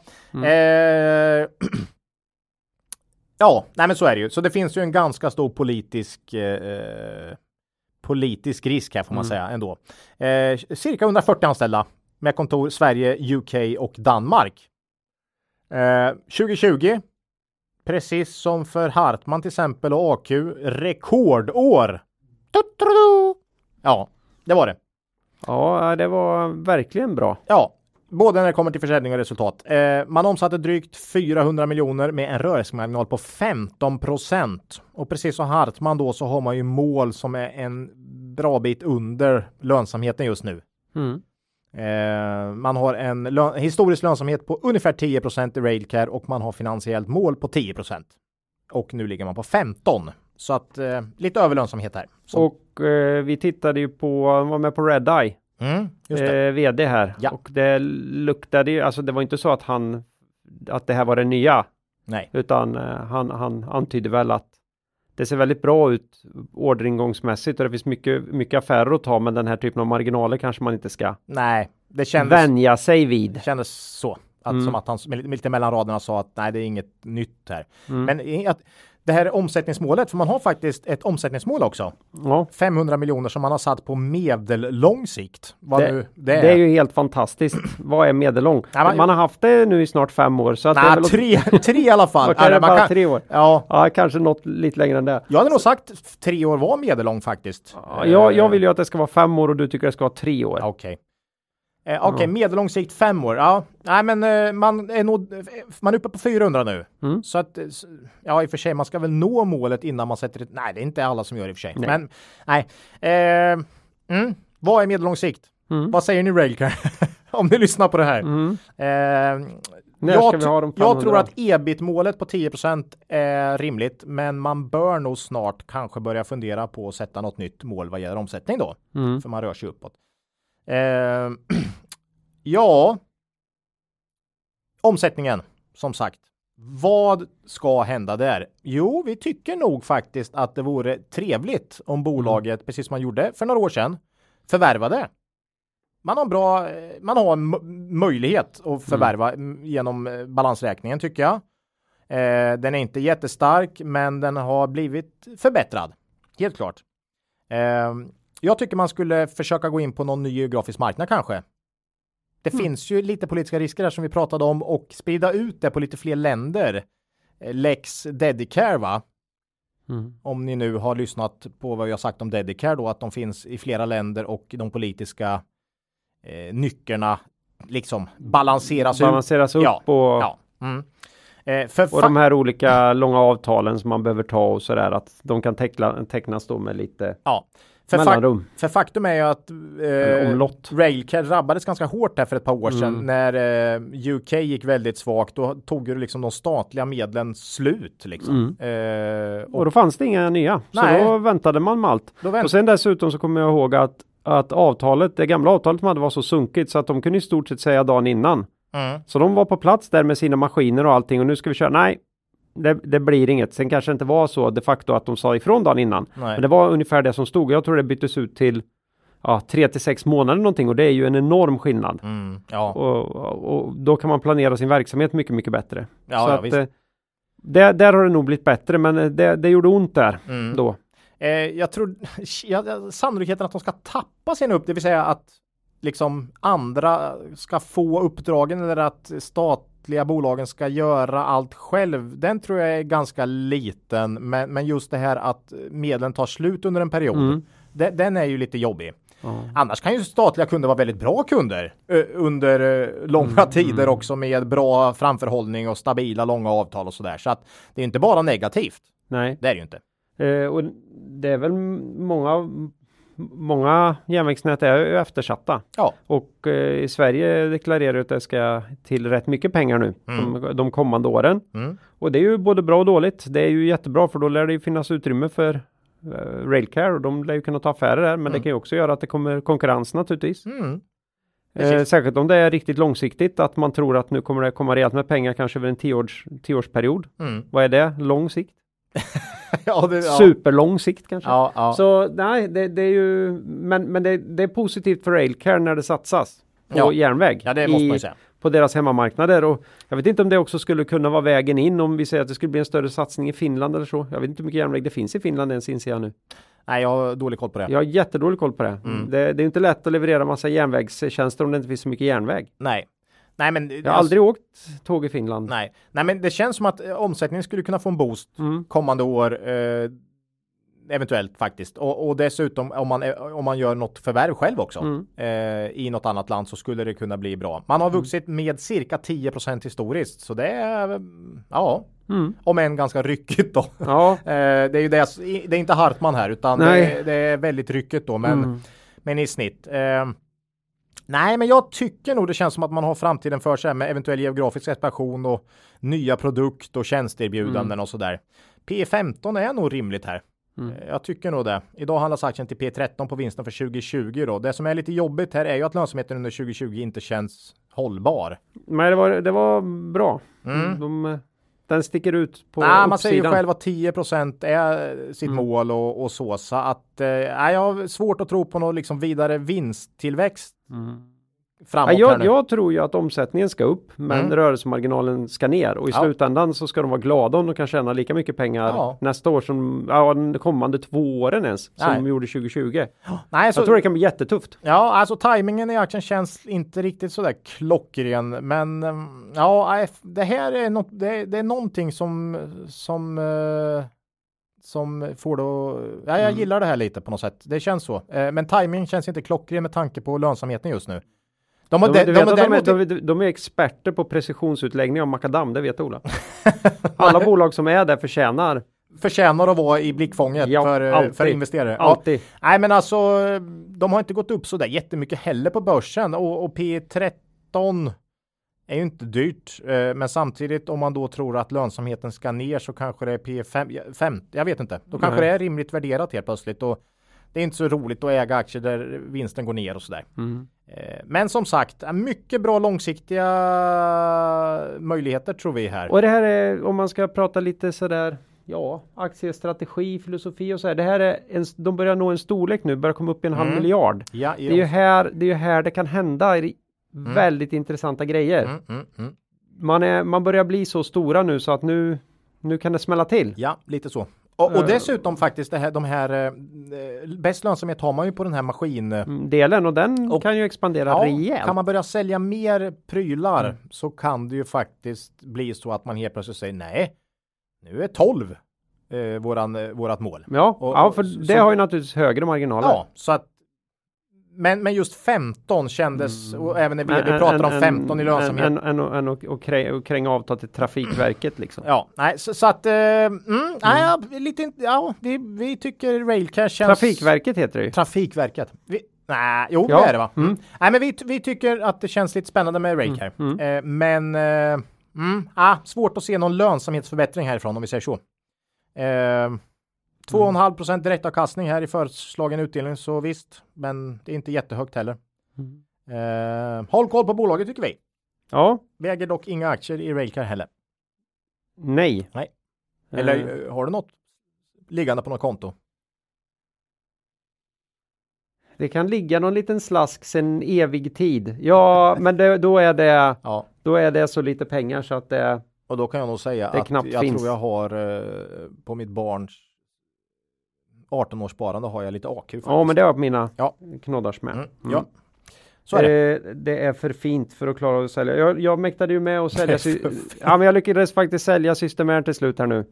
Efter att ha skämt så att jag hade det kvar. Men Ja, jag sålde ju eh, min, min sons BTS på 250 spänn här. Det gjorde ont i hela kroppen. Ja, det var men, inte eh, roligt. Nej, barnen undrar varför de inte får. De skickar BTS skickar ju alltid ut eh, kvartalsrapporterna med post. Ja, Eh, för de, vill varför de de- vill ju vara nära ägarna Ja. och de undrar varför de inte får post Vad- från vad? BTS längre. Att, eh, nej Claes. Det, nej, oh, nej, det var svårt. Ja. Det var svårt. Ja, det, det, det blev nog någon slags vit lögn där om att de kanske övergått till digitalt eller något. Ja, vi retweetar ju en tweet från Per och Börjesson här också Ja. om att eh, AQs vd är ju, nej, ja, BTS. BTS vd är Henrik ju, Ekelund. har suttit längst av alla vdar eh, på Stockholmsbörsen och eh, sexa på den listan var Kabels vd. Och Per H Börjesson fick väl också in att om de hade varit noterade så hade han varit den som, som hade... Vilken slump att han tog upp det då. då. Ja, så... Nej, det. Ja, Ja. Nej, det, var, det kom några intressanta grejer där på Twitter om att eh, ja, eh, att det var för att de är stora ägare ofta i de här bolagen själva. Ja. Att de sitter kvar och det kan ju definitivt Ja. ha, ha med saken att göra. Mm. Och sen var det någon, någon som skrev den här klassikern att riktigt bra vd de, de får ju gå vidare snabbt.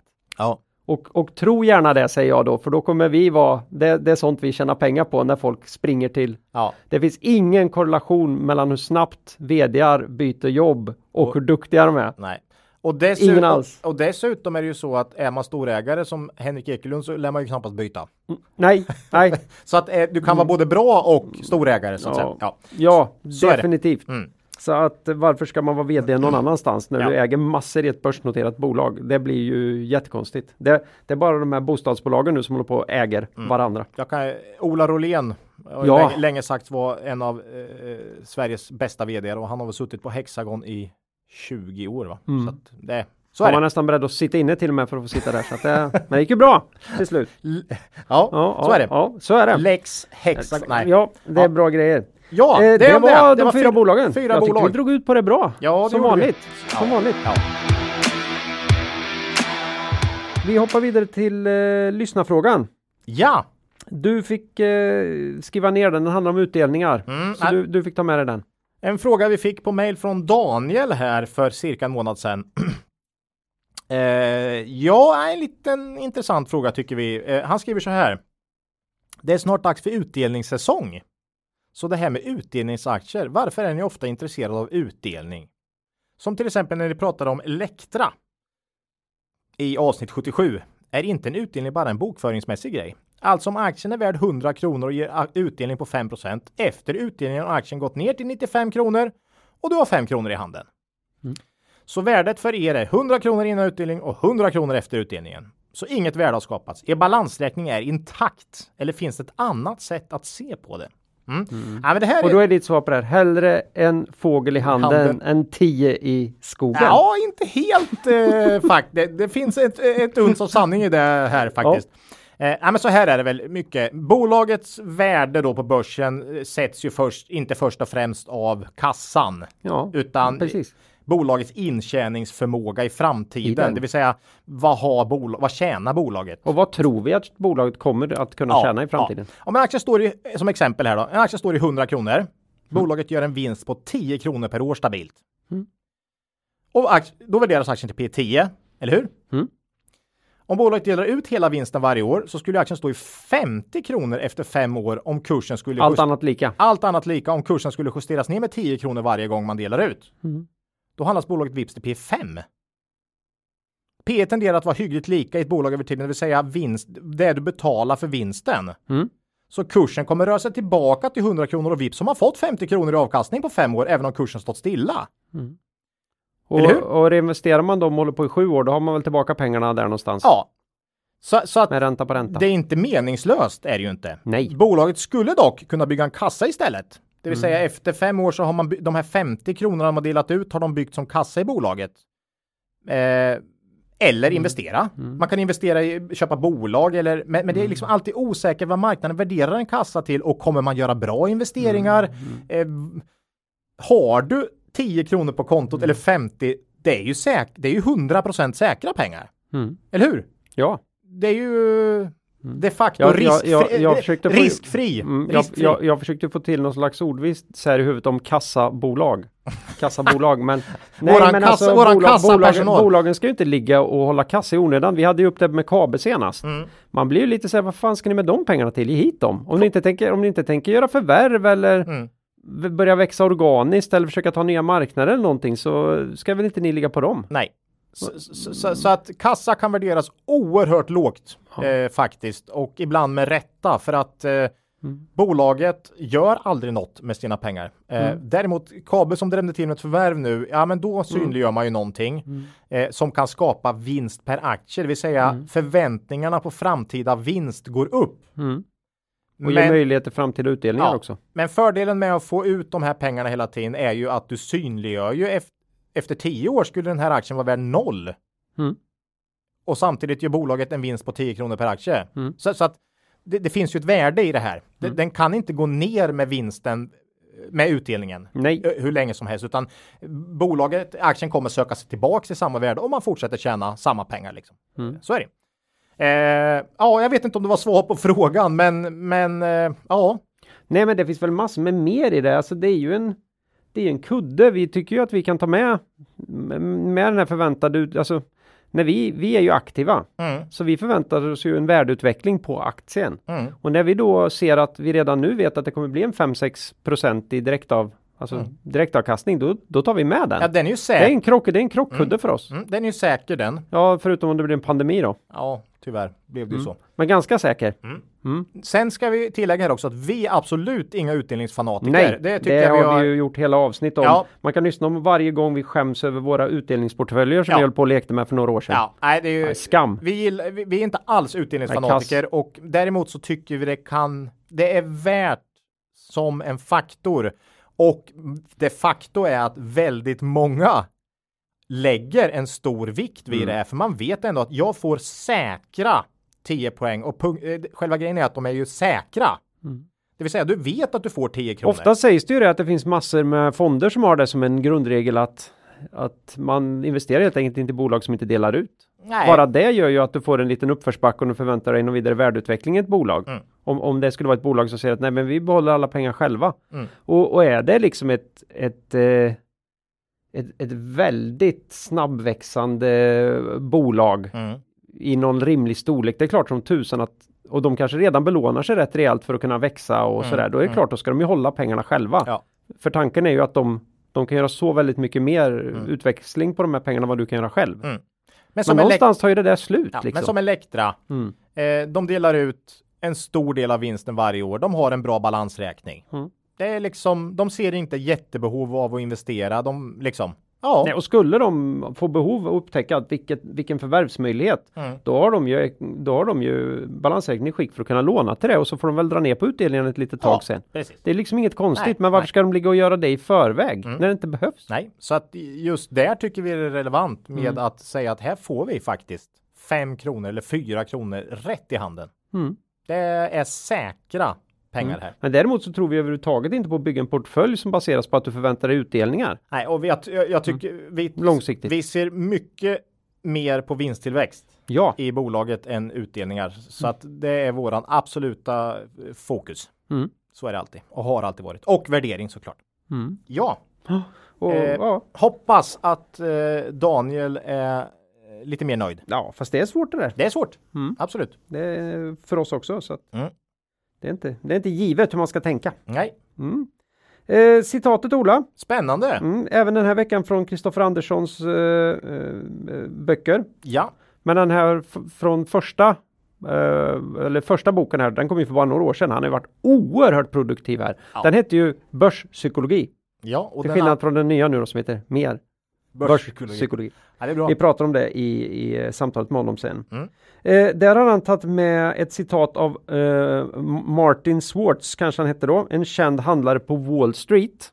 Ja, när den tiden det begav sig. Flashigt. Ja, och han har ju sagt så här. Trading is a eh, psychological game. Most people think they are playing against the market, but the market doesn't care. You are really playing against yourself. Mm.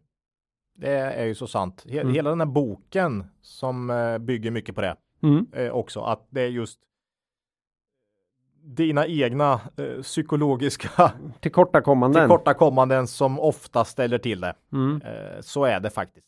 Och du springer in i en massa gropar och återvändsgränder. Mm. Och Eh. din hjärna spelar dig spratt. Ständigt ett spratt. Mycket är faktiskt våra de här nedärvda Mm. egenskaperna vi har sedan miljontals år. Ja. Hjärnan, hjärnan är bra på att spara energi och bra på att instinktivt reagera på fara.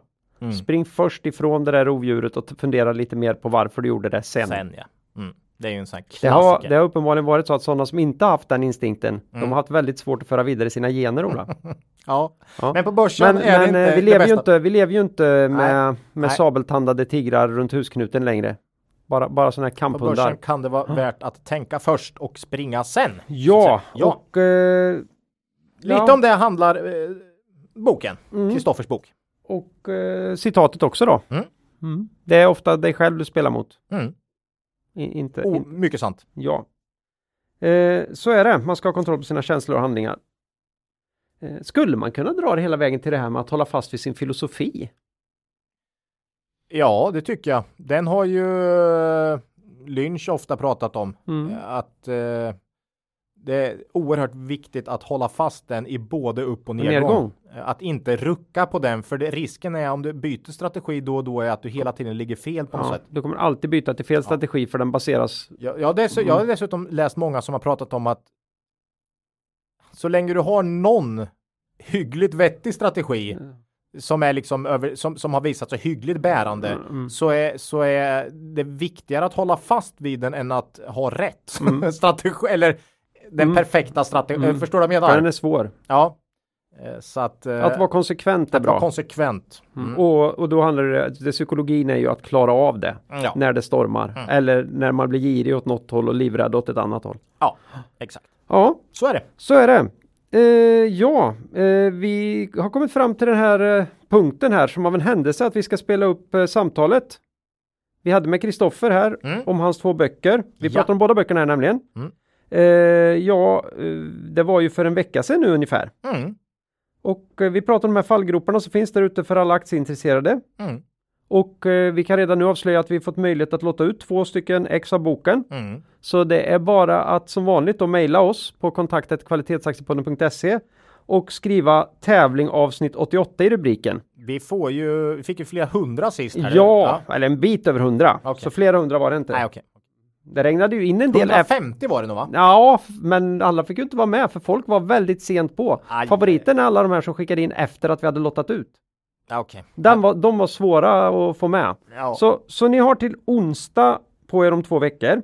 Okej. Och sen ska det dessutom stå tävling avsnitt 88 i rubriken. Oj. Annars är det inte, är inte med när Fanken, jag... det här påminner som de här... För det är ju lite det som har hänt att folk har skrivit någonting helt annat i ämnesraden Mm. och så ställt massor med, massor med frågor om saker eller sagt att, helt enkelt att åh vad kul det där avsnittet var och Mm. jag vill gärna vara med i er utlottning. Ja, det skulle du ha nämnt tidigare för då hade du också fått vara med. I utlottningen vill jag då skrika ut i cyberspace så att säga. Så skriv det i ämnesraden. Det här påminner lite om de här, eh, den här man kunde vara med i, i Lilla Sportspegeln eller, eller P3 hade ju en sån här Mm. för barn när man var liten, man fick, eller P4 var det kanske, fick, fick skicka in och det var så himla noga med vad man skrev på Mm, på... Så att de skulle ha koll. så att de, för de fick väl flera hundratusen sådana här brev från barn som, som, ja, över en säsong i alla fall. Som ville vara med va? Ja. Så, så, när de kom de här liksom, säckarna med post så ville de veta. veta vilka är till tävlingen. Nu, nu, nu har ju vi bara hundra då Claes. Ja. Men, men jag är så mycket mer lat. Ja, Ulf ja. Elving satt och rafsade i de här. Ja. Nej, det var inte han. Nej, men det är väl det att jag skäms över de här som jag ändå hade lyckats missa. ja. Jag kanske till och med hade läst inledningen på de där och sett att nej, men det här är ingen tävling. Nej. Och sen nu då när jag har gått igenom lite mer mejl här på slutet så har jag upptäckt att mm. det fanns några där som nog mm. hade väl varit med i tävlingen. Men eh, det var tydligt att skriv tävling avsnitt 88. Gött. Nu kör vi samtalet med Kristoffer. Hej Kristoffer! Kul att du ville komma till podden och berätta om din nya bok om, eh, som heter Mer börspsykologi. Den kom ut i dagarna. Vi har väl aldrig varit mer aktuella i den här podden än vad vi, än vad vi är just nu. Det var ju någon som jämförde oss här alldeles nyss med när färg torkar, men nu är vi fan i frontlinjen här kan jag säga. Eh, ja, och det här är en uppföljare på din bok eh, Börspsykologi som kom ut för bara något år sedan. Så det är jättekul att ha med dig här. Tack så jättemycket och jag vill säga att jag känner mig hedrad att få vara med. Men jag vet inte om det är roligare än att se färg torka. Ska vi ta det som en komplimang eller hur ska jag tolka det? Nej, men eh, skämt åsido, det är jätteroligt att vara här. Det här ser jag verkligen som en milstolpe i min egen eh, bucket list här gör det. Så att eh, tack så jättemycket. Mm. Ja, vi var ju nära att få till någonting redan när första, första boken kom, men då var inte vi så inne i det i det konceptet. Eh, så nu när du så snabbt var på spåret igen här så var det ju givet att du skulle med i, i podden. Vi tror att du har varit viktig för många i, i att förstå lite mer om sina egna beteenden när de är på börsen, nämligen, och, eller när de sitter framför mm. Avanza och Nordnet. Tycker mm. det passar ganska bra också här. Väldigt höga värderingar på börsen och man får ägna sig åt andra saker. Då är det bra att läsa. Va? Så vi har ju blivit lite av boktipspodden här på slutet nu, nu när nu när värderingarna är, eh, är i skyn så att säga. Så att, äh, det är bra, bra, bra, bra sätt att ägna sin tid åt. Mm. Mm. Och jag tror att där sätter du huvudet på spiken på många saker. Att många tänker att börspsykologi behövs när börsen ja, när vi har en björnmarknad eller när det rasar. Men börspsykologi är minst lika viktigt när värderingarna är på topp. Många brukar ju tendera att tänka, men nu ska jag sätta mig in i börspsykologi när corona är som värst och vi har rasat 30% Jag vill hävda att det är lika viktigt nu som det var för exakt ett år sedan. Eh, ja. Psykologin mm. finns alltid där.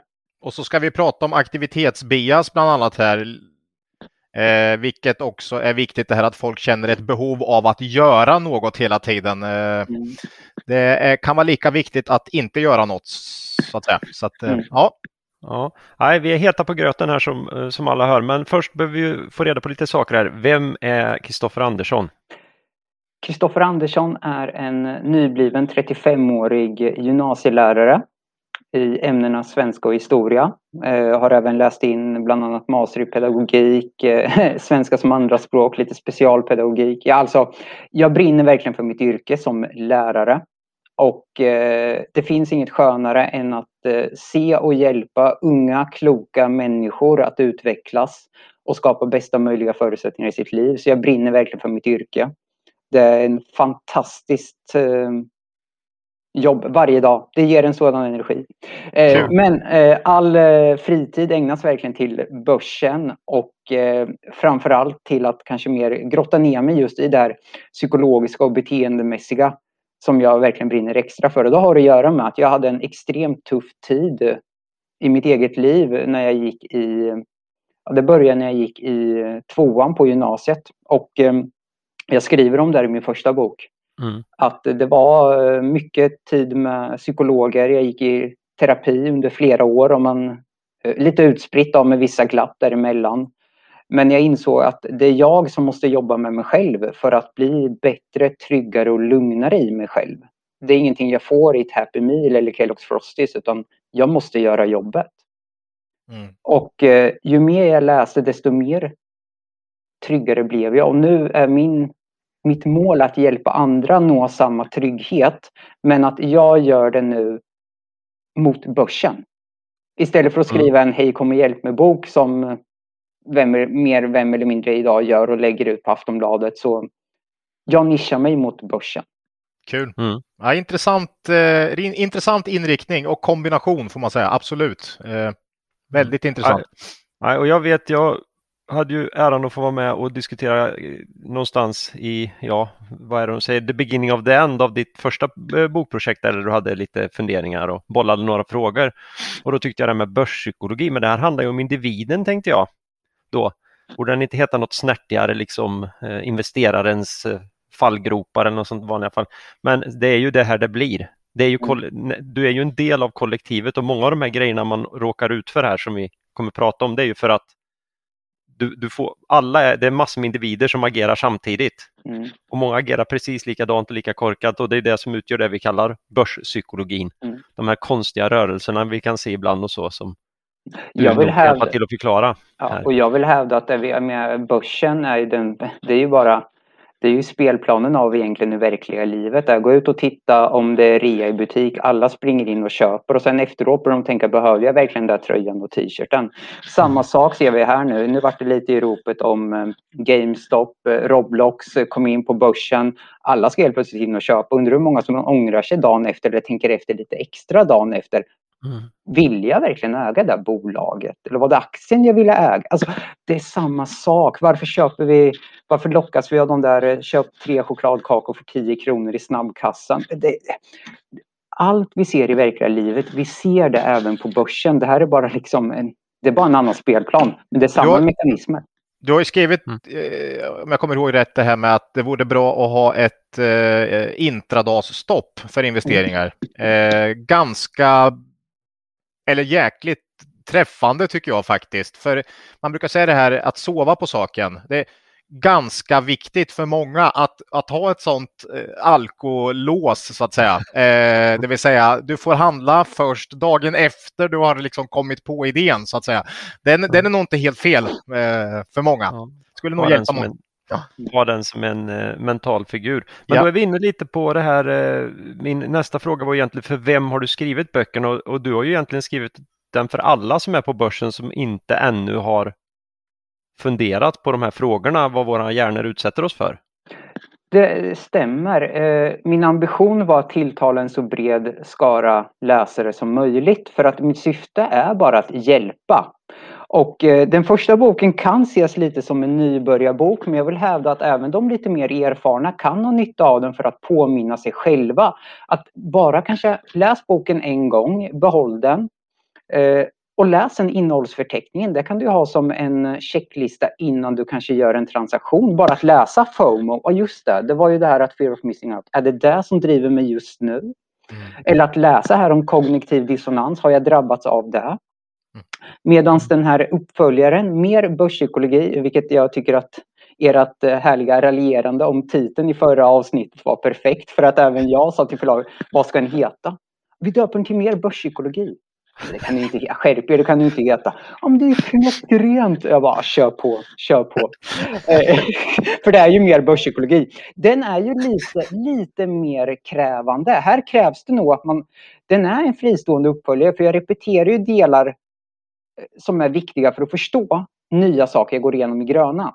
Men jag skulle vilja hävda att den gula är lite mer åt nybörjarhållet till. Men den gula är ju den första. Mm. Det är den första, ja. Och den kan med fördel läsas av även erfarna. Medan den gröna tror jag tilltalar de lite mer erfarna lite mer.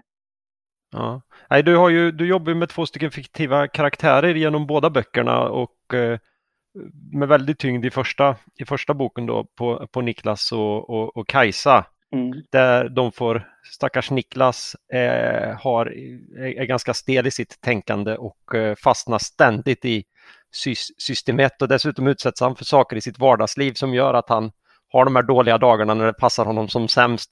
Så att han blir som mest stressad och gör som mest korkade saker. Det, det är nästan smärtsamt att läsa ibland för jag, jag, märker ganska snart vart du är på väg och så tänker jag nej stackars Niklas. Eh, jag hoppas inte det finns någon verklig människa i ditt liv som du har tagit inspiration från för då, då blir man bekymrad alltså. Det kan jag säga. Eh, nej, det, är mer, det, det, är mer ytterligheterna på något sätt eh, där. Mm. Ja, och Kajsa heter ju bra för att då tänker man ju på Kajsa Kavat va? Eh, mm. Den, den tjejen hon, hon slår på system 2. Mm. Och det är väl lite, vi, om vi ska börja komma in på de bitarna så kan man väl säga sig att båda de här böckerna du förklarade det för mig som att du har en, om det här är ett träd, de här olika problemen man får, så finns det en stam. Och det är ju det, är ju det här med teoribygget, Kahnemans teoribygge runt system 1 och system 2. Mm. Som vi uppenbart har i hjärnan när man väl har börjat tänka på det så förstår man ganska lätt det. Vad är, vad är det här för någonting?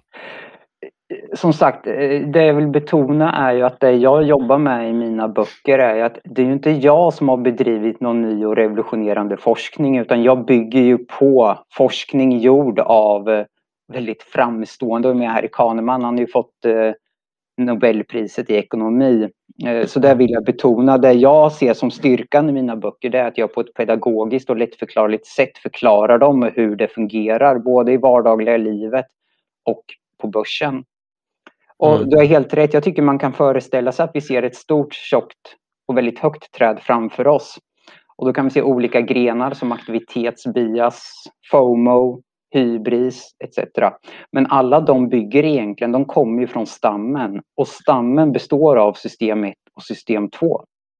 Och kortfattat mm. skulle vi kunna säga att vår hjärna, man brukar säga att vi har höger och vänster hjärnhalva, men man kan också säga, jag kommer även in på att vi har tre hjärna, tre hjärnutvecklingar i min nya bok. Men det, system 1 och system 2 kan vi säga att hjärnan har ett system eh, som heter system 1 och ett som vi kallar system 2. Det har sin grund i att den har ju funnits i över, jag, jag går tillbaka till ungefär 30 000 år sedan i tiden. Mm. För att överleva på savannen så var vi tvungna att kunna fatta snabba beslut. Ofta brukar de snabba besluten vara bra, men inte alltid. Vi får också tänka oss tillbaka nu på att när vi lever här på savannen så är det inte som så att det finns ett McDonalds i varje gatuhörn. Det finns inte en ICA överallt, det finns inte en brandstation, sjukhus eller någonting. Men framförallt finns det inte ett ICA vid varje gatuhörn. Det var ont om mat. Människan är programmerad att överleva. Och för att överleva behöver vi näring, vi behöver sällskap att kunna fortplanta oss med och vi behöver skydd. När vi har ont om mat, då springer vi inte ut och springer eller kör ett gympapass eller går upp i boxningsringen. Vi är väldigt noga med att sitta stilla och göra av med så lite energi, alltså kalorier, som möjligt. Hjärnan står för ungefär 20% av all energiförbrukning vi har. Den väger bara ungefär 1,5 kilo men står för 20% av all den energi din kropp dagligen förverkar. Mm. Den behöver energi. Men vi hade ja. ont om energi. Hjärnan är alltså förprogrammerad, hardwired, att inte anstränga sig för mycket. System 1 är ett system som hjälper oss att fatta beslut. Men det är inte långt, det ser inte i långa loppet utan det litar kanske lite mer till slumpen och tillfälligheterna. Medan system 2 som är mer kognitivt ansträngande och som verkligen tänker mer rationellt och logiskt jag tror vi alla känner igen oss när vi verkligen sitter med ett problem och verkligen anstränger oss så blir vi mentalt trötta. Mm. Det är mm. system 2. Och det skulle vi vilja ha igång 24 timmar om dygnet. Men det orkar vi inte, för vi har inte den energikapaciteten. Och just därför har vi systemet som är igång dygnet runt. Och när vi kan så aktiverar vi system 2. Systemet har hjälpt oss. Vi hade inte överlevt mot ett lejon annars sovit lejon, då var det bara spring. Bättre mm. fly än illa fäkta. Hade vi däremot stannat och tänkt system 2, vilket håll ska jag springa åt? Är lejonet på väg åt mig? Kanske ska jag lägga mig ner och spela. Vi hade blivit uppätna innan. Alla, mm. kan, alla... Det finnas, kan det finnas fler lejon? Mm. Alla, har nog, all, alla har nog känt hur trött man kan bli om man sitter länge och matar riktigt fokuserat liksom. Eh, mm. Då blir man väldigt trött. Och, och, här får man ju ändå lyfta fram då Kahneman, den, vad heter den, Tänka snabbt och långsamt va? Ja, det är en eh, fantastisk bok som alla borde ha i bokhyllan. Om, om man vill liksom fördjupa sig då eh, mer allmänt då om, om det här. Mm. Eh, som mm. en bra komplement till dina böcker kan man säga där. Mm. Ja, men läser du, ja, det är ju tredje kapitlet i den första boken. Läser du den så har du fått en synopsis av Kahnemans bok och sen kan du läsa den för att få ännu mer djupgående eh, exempel och mer mm. utvecklande förklaringar. Men läser du kapitel 3 så har du synopsis av den boken. Ja, ja. Mm. Och det grundar vi egentligen allting på för att eh, ta det här FOMO. Med, om du verkligen anstränger dig så kommer du att kunna stå emot FOMO-känslorna. Mm. Om du verkligen anstränger dig kommer du kunna stå emot det där intuitiva begäret att jag måste gå in och köpa eh, GameStop nu. Jag måste trycka på köp. Jag, må, jag, jag vill vara med. Mm. Men Mm. hjärnan tänker som så här, "Nej, varför anstränga? System 1 sitter ju hela tiden. Nej, men det kommer gå skitbra. Kör bara. Det kommer gå Mm. skitbra. Eh, alla har nog känt, de här, alla som hållit på med börsen har nog känt de här olika psykologiska ansträngningarna som, som påverkar en. Det, och, och har man inte gjort det, då är man lite illa ute för då har de påverkat en utan att man har vetskap, vetskap om det så att säga. Eh, så, så- att, eh, nej, oerhört intressant skulle jag säga. Mm. Eh, mm. Mm. Nej, men det, jag tycker det är viktigt också. Du skriver det och nu hittade inte jag igen det direkt här när jag satt och letade efter min eh, det korrekta citatet. Men ungefär så säger du så här att ja, vi har ju smartphones och det här är i nya boken. Vi har eh, smartphones och vi har utbildningssystem och vi har massa grejer som, som får oss att tro att vi är så, så, så väldigt, väldigt annorlunda. Men det är vi inte. Rent genetiskt så det- skulle det vara nästan omöjligt att särskilja oss från någon av vår egen art från 30 000 år sedan. Ja, eh, Ja. hjärna har ju inte utvecklats någonting Mm. mer eller mindre. Menar, ta 30 000 år på, vad då? vi pratar miljoner år. 30 000, Mm. 30 000 år i det här sammanhanget, det är ungefär en sekund. Eh, Knappt ja. det. Eh, Så ja, tekniskt sett har vi utvecklats något så enormt och där ser vi nu att människan hänger ju inte med i den tekniska utvecklingen. Mm. Nej, det är svårt. Och jag visst, jag kan sätta på kaffemaskinen med en app i telefonen. Jag kan beställa hem pizzan och allt det. Men, men min hjärna är fortfarande densamma som mina anfader på savannen. Det, är kaffet jag, det är kaffet jag vill ha liksom. Det är, Ja, ja, ja. Sen undrar vi varför folk blir utmattade. Ja, det är, det är eh, lustigt då. Mm. Ja, ja men eh, om vi ska gå in på någon. Vi, vi, eh, vi, vi, vi slår ju lite runt de här olika, eh, olika begreppen. Och vi har ju bestämt oss innan här att vi skulle försöka hålla oss till några. Annars kunde vi ju hålla på i hur många poddar som helst. Och det vi vill är ju egentligen att folk ska lyssna på det och sen faktiskt vilja läsa din bok. Va? det Eh, för det är, då man får, det är då man får helheten. Ja, Ja, det, är men våran, det är våran förhoppning. Du får ha vilken förhoppning som helst. Vi tänkte att det, var, det är bra för folk att läsa det här, Jag särskilt i de helt här ärlig tiderna. nu och säga att min enda förhoppning med det här samtalet är att dels ha ett trevligt samtal med er, men också kan vi hjälpa någon Mm. att bli bättre med det här samtalet, då har vi lyckats och då ska vi vara nöjda. Det var lite så vi tänkte när vi startade podden överhuvudtaget faktiskt. Kan man hjälpa någon och bli en bättre investerare så är det tillräckligt. Liksom. Mm. Ja, och eh, om vi då hoppar in på, vi börjar med några av de här eh, grund, grundläggande. Eh, vi kommer att prata om fallgropar och bias och grejer här och det, det är ju sådana här problem som blir när man överlåter till system 1 och, och, och, och, fatta beslut åt den på regelbunden basis eh, kan man väl säga för att vara Mm. lite snabb där. Och en sån här eh, ja, eh, fallacy eller vad jag ska kalla det, en, en sån här fallgrop, det är ju inramning. Och där Mm. har du en intressant take som jag tänkte vi kan komma till eh, sen här. Men eh, vad är inramning, Kristoffer? framing-effekt på engelska. Mm. Eh, och det har ju en tendens till att vi har ofta en benägenhet att se ett... Vi ramar in ett problem på ett sätt som gör att vi blir låsta av att se det från andra perspektiv. Och jag drar liknelsen med, vi kan, jag tycker vi kan hålla det relativt enkelt här och inte gå in på för många forskningsanknytningar och där, utan säg att vi har en tavla och det är en jättefin ram. Det förstärker bilden av tavlan. Mm. Har vi däremot en jätteful ram så drar det ner behållningen av själva målningen, tavlan. Mm. Det distraherar kan man säga. Det distraherar. Och sättet vi till exempel arbetar på i våra investeringar, hur vi ramar in våran investeringsprocess, påverkar ju också utfallet. Mm. Och ni är ju väldigt mycket noga med nyckeltalen. Ni utgår från ert Excel-ark bland annat. Det är ju eran inramning. Mm. Och ni kanske har svårt att se det från ett annat perspektiv. Ja, ja definitivt. Eh, om det, för jag funderade lite på utifrån, vi har ju pratat en hel del Loomis i podden, så jag tänkte Mm. om man skulle ta det utifrån ett bolagsperspektiv. Där tycker jag att det finns en, ett inramningsproblem för många. Eh, och det, jag, det du faktiskt skriver i din bok, och det är första boken, sidan 110, för det har jag återkommit till, att jag är inte fri från framing-effekter.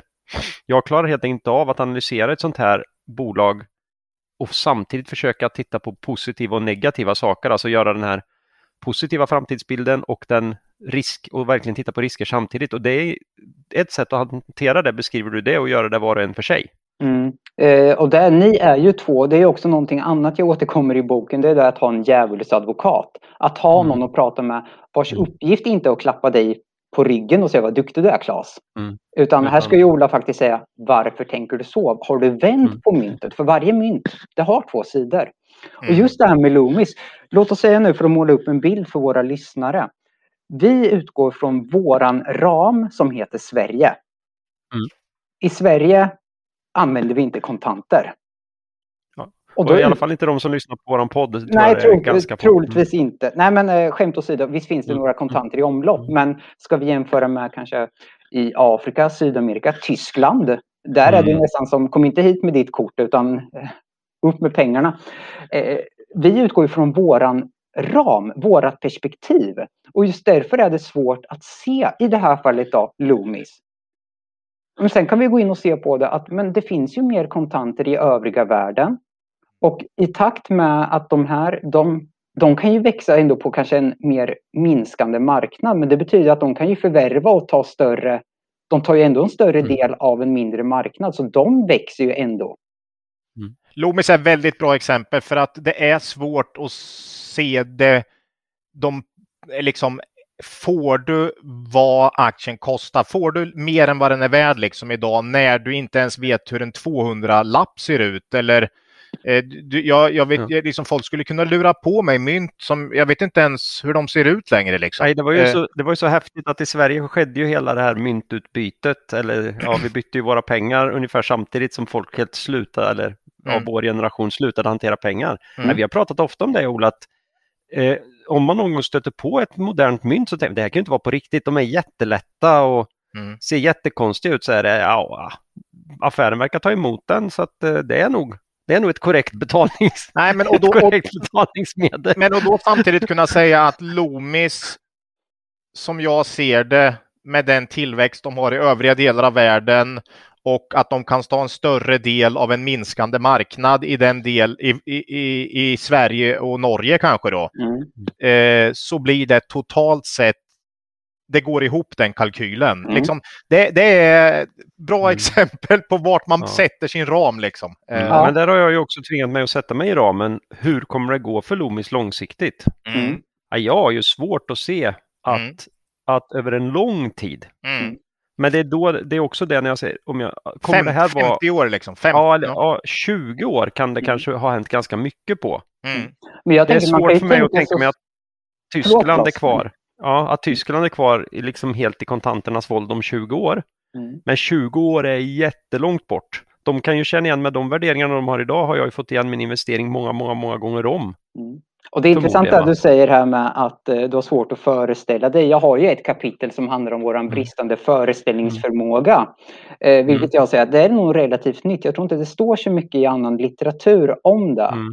Eh, och vi ska väl inte gå in på det här nu, men det jag vill slå ett litet slag för är att man kan ju måla upp den här bilden av en genomskinlig, så att säga, kub. Mm. Och vi, så tänker man, okej, okay, i mitten av den så ser vi nu Loomis, låt oss säga att det är en form av en diamant. Mm. Det är egentligen passande i det här fallet. Eh, mm. Så tittar vi på den från ett håll, okej. Okay. Och så skriver vi ner våra anteckningar hur vi ser på den från ett positivt håll. Sen går vi till andra sidan av kuben. Då tittar vi på den från ett negativt håll. Man kan titta på den utifrån olika geografier. Så att så är ett sätt att kunna jobba med ett problem. Mm. Att försöka bryta ner det i sina beståndsdelar istället. Mm. Och, Klas och, jag kör ju, Klas och jag kör ju väldigt mycket eh, den ena tar, liksom ifrågasätter då Eh, eller tillsammans så, så ifrågasätter man och, och pratar fördelar och nackdelar och totalt sett får man sen en bild. Det är ofta så vi bygger upp en, en, en, en analys faktiskt. Mm. Eh, och tyvärr ofta så kommer vi fram till att vi inte har en aning. För att det här bolaget, vi förstår inte bolagen och, Nej, och då får man, Då får man, lägga, då får man titta på något annat istället. Men, mm. men, men det här att vara två, alltså, jag tror inte det är en mm. slump att Buffett och Manger har lyckats bra och så vidare, utan Eh, det är viktigt att ha någon att bolla med, för det är väldigt lätt att ljuga för sig själv alltså. Eh, Absolut. Mm. Är, mm. och att ni är två, det är fantastiskt. Och sen är det ju även som så att det viktiga, jag har ju den uppfattningen om er, men att det verkligen är som så att ingen av er väger lite tyngre för då förlorar ni ju det som finns i en, den beslutsteorin jag skriver om i den första boken om kudos. U står Mm. för universalism. Eh, bara för att om vi leker med tanken att vi har Buffett bredvid oss här också och jag önskar få in analyser av Loomis. Buffett han skriver ner fem rader på en servettanalys här, på, på, Mm. från McDonalds såklart när han har köpt sin frukost. Mm. Eh, och ni lämnar in eh, ungefär 30 sidor rapport. Mm. Jag ska ju inte ta Buffetts analys bara för att han är Buffett. Och jag hoppas att ni också har samma sak här att eh, Ola står inte över Klas eller Klas står inte över Ola bara för att han har mer eller mindre erfarenhet utan att man verkligen lyssnar och läser argumenten. För det är inte personen som säger dem som är det viktiga. Nej, men Mm. jäkla vad man hade varit, eh, haft svårt att, att köpa Loomis som Buffett hade sagt att det här är, det här är doomed to, doomed to fail alltså. Doomed to fail. Då, då hade man haft väldigt svårt alltså. Vad vet, vad vet han? Vad Nej, det vet- hade nog inte gått. Där är Nej. vi bias Ola. Ja, där är vi bias. Det, det är Ja. så. Ja, Ja, det var ett intressant exempel. mycket, mycket. Ja. Mm. Eh, vi, vi får ju komma vidare här. Ja, ja. Eh, närbesläktat här med framing och varför man tillverkar sådana här ramar och väljer bort att se saker. Det är ju kognitiv dissonans. Mm. Det är ju oerhört viktigt. Eh, Både i investeringar och i vardagen. Ja, eh, och kognitiv dissonans kan säga att du har bestämt, du har eh, en övertygelse, du har lovat dig själv någonting. I det här fallet, jag handlar inte bolag som har ett PE över 12 och övriga nyckeltal ser helt okej ut. Men är det PE över 12, då väljer jag avstå. Det, Mm. det har vi beslutat. Men sen så kommer den här tillfälliga känslan, viljan att Mm. jag vill ju äga. Men det går ju emot Mm. min tro. Det är jag Det här- redan Det här, är. P, det här är P14 men det ser ju så himla bra ut liksom. Ja. Exakt. Och Mm. hur löser vi det? För helt plötsligt blir det jobbigt i hjärnan. Det börjar kosta energi. Kommer Mm. ni ihåg det att vi hade ont om energi för 30 000 år sedan? Och hjärnan Mm. är samma då som den var idag.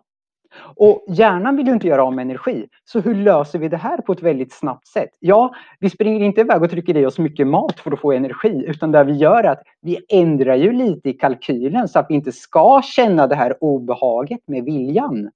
Mm. Så att P10, men, eller P12, men i vissa fall när X, Y och Z gäller, då är P14 okej. Jag vet redan hur man löser det här. Det du gör är ju att du bara precis som vi gör, bara, ja, vi tittar ju på ett års sikt. Ja, det är fortfarande lite högt P, men på två års sikt. med, med, den, med det E du får då, Mm. det är ju faktiskt under P12 här. Eller- Eller så höjer du vinstprognosen bara. Ja, ja, ja. Nej, det är ju uppenbart Nej, under men det vi P12 alltså. hittar på här är ju egentligen, Mm. det hjärnan letar efter då, det är ju egentligen Ursäkta. dumma, irrationella ursäkter. Och just därför, har man en investeringsstrategi och filosofi som är nedskriven, så kommer man att öka sannolikheten för att man inte faller i kognitiv dissonans. Och det som Ola säger också, där är min, mitt tips om att agera inte på intradag. Mm. Nej, det är ditt tips.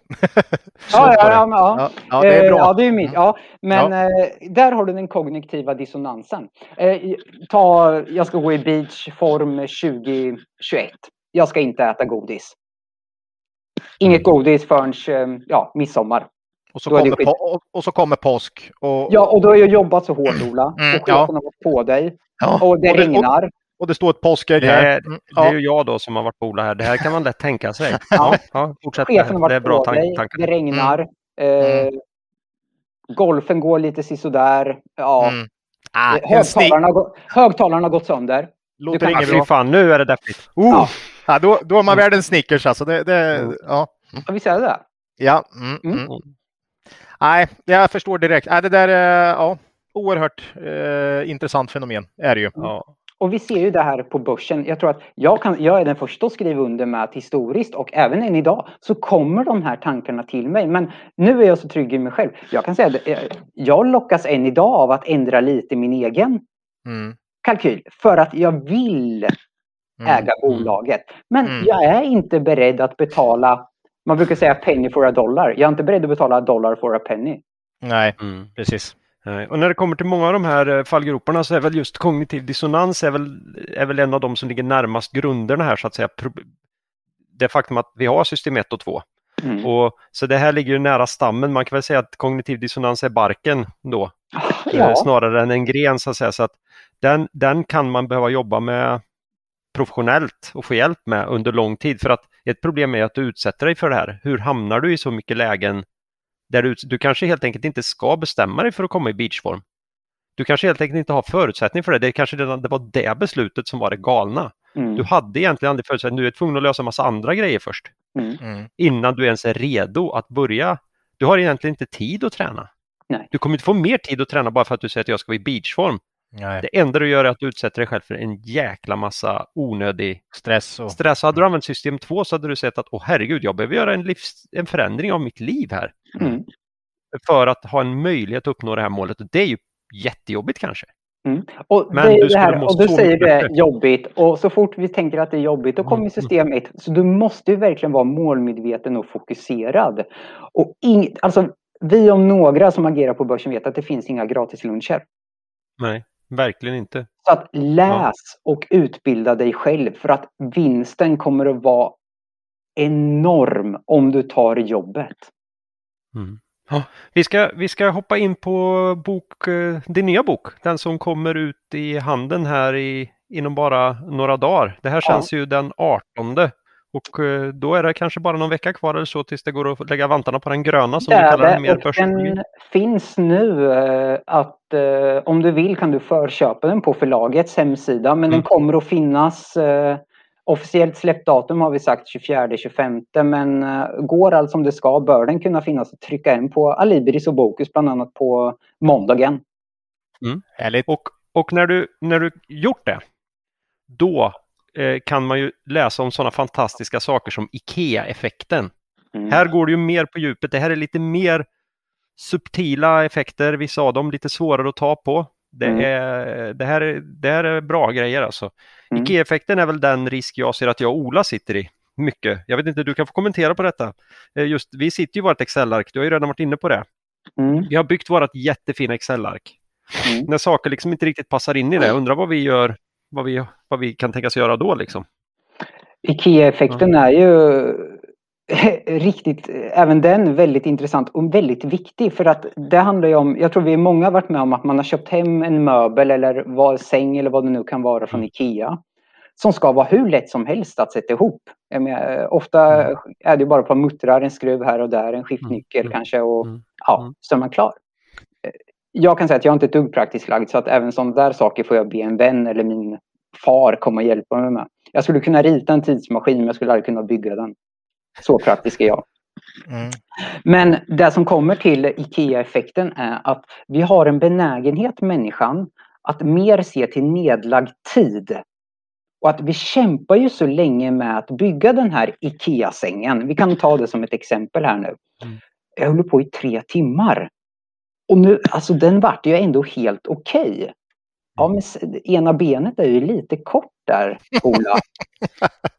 ja, det är det, men inväxling här. Ja, vad ja. är liksom? Jag höll mm. på i tre timmar. Jag tycker det är helt okej. Okay. Håller ni inte med ni andra? Och så nickar ju alla som är där och tittar. Absolut, det är jätteduktigt. Mm. Och så går de och skrattar bakom ryggen på dig. Mm.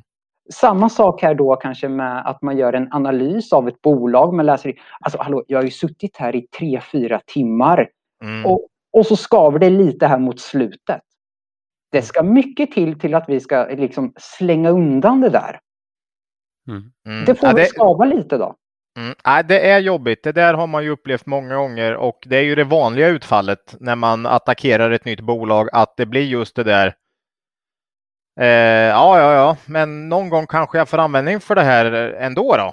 Mm. Det, är, det är ofta så jag försöker attackera det där, att känslan att liksom fyra timmar eh, utan anledning på något sätt. Då. Eh, mm. Men eh, man vet aldrig. Man kanske tar upp den här analysen om två år och så är, och så är det intressant då istället. Eh, men, men, men, du får alltid den här oh, vad tråkigt, eh, ännu ett bolag som inte passar på grund av det här eller det här. Eller, eh, ofta kan du avfärda något väldigt fort, men ibland mm. så kommer det ju, the flow kommer väldigt sent i din analys eh, och du inser den väldigt sent. Så att, och då har du ju lagt Och då kan massa... det hända att du, du kanske väljer att nedvärdera den också. Det är väl den risken man ser Ja, också. ja, att Nu har jag lagt ner allt det här jobbet. Mm, mm, mm. Ska, ska, vi verkligen, ska jag verkligen behöva väga in det här med att antalet konsulter har ju faktiskt minskat här. Är det, här det här måste vara en helt orimlig eh, eh, intjäning de har på dem de har kvar. här. Det här kan inte hålla över tid. Konkurrenterna kommer äta upp dem. Allt, Nej. går- mm. Eller Nej. allt, allt går bra men bolaget har en enda kund här, insåg Ja. jag här nu. Det, ja. Mm. Och sen är det att det saknas delar i ditt bygge. Ja, Att du Eh. kanske avfärdar något som vi borde ha tagit för att det passar inte riktigt in. Vårt bygge, vi fattar inte att det inte är snyggt. Nej. Man kan inte använda den här modellen för att utvärdera den här typen av bolag. Då säger vi att vi skiter i det, men nu för tiden kan man ju inte vara så picky. Det är rätt dyrt där ute. Så att, Eh, ja, det ja, är det är viktigt Och, att tänka på det där. ja, och eh, jag menar, du får ju fråga dig själv. Om syftet är att bara sitta fyra timmar och göra en analys. Är det det som är det viktiga? Eller är det det resultatet du är på jakt efter? Och då vill jag, Ola, du säger ju helt rätt. Jag menar, det är ju inte, på inget sätt är det ju ett onödigt gjort arbete. För troligtvis har du ju, du är ju en kunskap rikare Mm. av att ha gjort arbetet. Okej, det vart ingen investering. Men Nej. herregud vad jag lärde mig. Ja, och fakt, faktum är att nästa gång kanske du upptäcker det där efter en och en halv timme istället för fyra. För att då har du liksom insett att det, det där måste jag kolla ganska fort. Mm. För det är ju en väldigt lätt sak att kolla som jag upptäckte efter fyra timmar sist. Det upptäcker jag efter en och en halv nu liksom. Eh, Mm. Ja, så är det. Ja, Mm. ja, för det här problemet glider ju över i, i, i den här biasen, den här fallgropen som Ola eh, tog upp ganska tidigt här. Det är ju aktivitetsbiasen. Mm. Mm. En anledning kan vara här till att man, det är ju, det är ju att man vill, man vill agera. Om vi nu kopplar det till vårt lilla Excel-ark här då, att eh, vad är aktivitetsbias? Kristoffer? Eh, frågar du mig? eh, eh, aktivitetsbias, även här är det som så att människan, eh, jag vill göra kopplingen ännu en gång att vi går tillbaka till ungefär 30 000 år sedan i tiden. Och jag sa ju det att våran främsta, våra primi, primitiva drifter, det är ju att överleva. Och jag vet inte, Claes, Ola, skulle någon av er ensam tror ni har klarat er på savannen?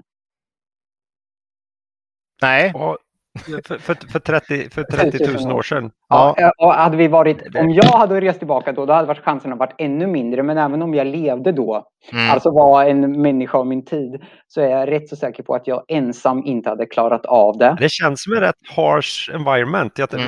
så här, medellivslängden har visat var väl så här 27 år eller något sånt där. Ja, Mm, det exakt. var- Det är mycket du ska hinna med då på din Ett bucket list. benbrott är döden och här saker. Mm. Mm, härligt. Eh, nej men eh, skämt åsido, att överleva själv var nästintill omöjligt. Tänk vi har eh, många hotande och farliga djur. Vi har hotande andra människor och stammar. Eh, giftiga växter, eh, giftiga bär. Alltså, du är väldigt utlämnad. Du ska också sen se till att fortplanta dig. Du ska ha skydd när du sover och vem ska vakta när du sover. Det finns väldigt mycket. Du klarar det inte själv. Mm. Du var beroende av flocken. Och då kommer vi även in sen på FOMO. Du var beroende av flocken. Och flocken bestod oftast av ungefär 150 individer. Vi kommer in på någonting som heter Dunbars skala. Vi behöver inte gå in på det. Men att det finns forskning som säger att människor fungerar i grupper upp till 150. Sen blir det en för stor och bred konstellation. Mm. Och flocken erbjöd ju mat, skydd, fortplantning. När du varit sjuk kunde du få hjälp etc. Mm. Men för att vara med i flocken var du ju tvungen att bidra. Mm. Och bidrog du inte, då spelar ju du ingen som helst roll för flocken och då var du någonting vi kunde offra. Vi tar ju hellre Mm. in någon som bidrar. Mm. Och alla hade sina särskilda egenskaper. Samma sak ser vi idag när vi ser att andra människor agerar. Och vi tar det nu till börsen. Du ser att många nu, det, nu ser jag att börsen går upp. Och för ett år sedan såg vi att börsen rasade något enormt. Alla satt och köpte och sålde. Idag köper alla. Förra, för ett år sedan sålde en majoritet. Vi andra vi satt och köpte. Men du känner att du måste göra någonting för att en händelse har inträffat. I vissa fall måste du göra någonting. Bolaget har kommunicerat ut här att det här har hänt och det här har hänt. Då måste du kanske gå in. Men att nu att coronaviruset spred sig. Vi har ju nu faktiskt sett att hade du bara suttit still så hade det egentligen så hade du i många fall stått på plus idag. Mm. Precis. Buffett, är ju, Buffett är väl lite expert på det här att liksom, eh, jag är nöjd om jag får en bra idé per år. Liksom. Mm. Det, det, det, han kan inte ha väldigt jobbigt med det här att folk frågar vad har du gjort idag? Eh, liksom. för, för, det är ofta det som blir det jobbiga. Liksom, eh, vad gör du om dagarna? Eh, liksom. Eh, ja, jag läser mycket och, och, räknar på mycket men eh, jag investerar inget. Liksom. Eh, Fast det är nej. ju faktiskt det han gör. Det är bara att han trycker inte på köp och sälj. Nej. Eh, och jag har ju vissa, jag inleder ju varje kapitel med citat och då har jag citat här att eh, 99 procent av investeringar är att inte agera. Mm. Precis. Och vi har ju ett annat, jag kommer inte ihåg om det är Graham som säger, men att investering är att ta pengar från de otåliga till de tålmodiga. Det har vi väl haft med som citat i podden också tror jag. Eh, mm. Just den. Men du, mm. Ja, för du har ju med en eh, fantastisk bild man kan göra så jag tycker man ska rita upp en egen liten sån här, ja en stopp, en eh, så här stoppsignal där mm. det finns med gult. Jag funderar på om man skulle skaffa den appen, göra den appen där du istället för köp och sälj aktivt kan trycka på avvakta och få en ja. bekräftelse på samma sätt. Nu har du valt att avvakta med de här 20 000 aktierna du har här. Mm. Du, Nej, du, du, du har nämligen att... du har tagit ett, det kostar noll kronor. Och det är ingen courtage på den. Nej, Men eh, du har gjort det. Vi kan visa här, här valde du att avvakta. Det vore skönt att få upp det i sin, i sin historik också. Hej, mm. här avvaktade du. Du var inne och tittade på det här och valde att avvakta. Mm. Det skulle nog eh, vara jättejobbigt för börs, eh, för de här nätmäklarna. Man måste, det man... ganska ofta folk skulle trycka på avvakta. Alltså. Ja, och, och, och, man, måste få, man måste verkligen få in det som investerare att, att inte göra någonting är faktiskt ett aktivt val och du ja. gör du gör faktiskt någonting om du avvaktar och inte liksom. Mm. Eh, så, så det är inte så att du säger du gör ju inget. Jo, jag har valt att inte göra något. Liksom. Mm. Det, är, det, är, det är mitt aktiva val. Mm. Och det är det jag skriver 30... i boken. Och det är ju som att trycka med. Grön är står för öka eller köp. Röd sälja eller hyvla av. Men i det här fallet har gult slash orange. Det är liksom att jag väljer att vare sig köpa eller sälja. Jag tar ett aktivt beslut här nu och det är faktiskt en sorts aktivitet. Men det är inte samma aktivitet som du ser alla andra göra. Och just därför får vi här en sorts kognitiv dissonans igen. Ja. Mm. Och, och för 30 000 år sedan så skulle det mycket väl ha kunnat vara rätt i många lägen att inte vara aktiv. Mm. När folk sa att nu ger vi oss iväg, se om vi kan hitta mer vatten här eh, borta, livsfarligt område, men nu jävlar. Ja. Och, och, och, i det läget så agerade man väl förmodligen. Mm. Eh, för att an, annars så såg man ju jättekonstigt ut, men idag har vi ju massor med val som, är, som inte syns utåt. Du jämför mm. också med hur man kan komma framåt på arbetsplatser genom att vara den här som hela tiden producerar saker oavsett kvalitet nästan, för det mm. framgår ju som att du är, fasen vad han jobbar den där Kristoffer alltså. Men egentligen så är det den här som sitter intill som inte släpper ifrån sig så mycket som är på väg att lösa hela jävla problemet. Ja, bara det syns ju inte. Nej, det, det syns ju inte, för vi ser ju inte vad som händer, vilken, vad som är på väg att hända i den hjärnan eller i, i, det, i det Excel-arket. För den personen sitter ju inte och släpper ifrån sig massa ditt och datt ur Det skulle bara ta, ta all kraft ur processen. Mm. Och ta då en, här, en som är förvaltare för antingen en publik fond eller diskretionär eh, förvaltning mm. åt några. Och börsen rasar. Och jag, jag, mm. är då förvaltaren. Jag väljer att inte göra någonting och jag förvaltar er. Ett kapital på, vi säger att ni är multimiljonärer. Det är ett kapital på 50 miljoner. Ola ringer upp mig och säger var, var, varför köper du inte ingenting? Eller varför säljer du ingenting? Mm. Alla andra gör ju det. Mm. Ni har svårt att förstå att det jag gör, jag sitter faktiskt och läser och tolkar mig till. Jag försöker skapa mig en korrekt, så korrekt bild som möjligt av världssituationen. Snälla sluta och stör mig, för annars kommer jag göra en aktivitet som inte grundar sig mm. på noggrant övervägt beslut. Precis. Mm. Mm. Nej, det där är, mm. ja, det där är viktigt som eh, satan. Ja.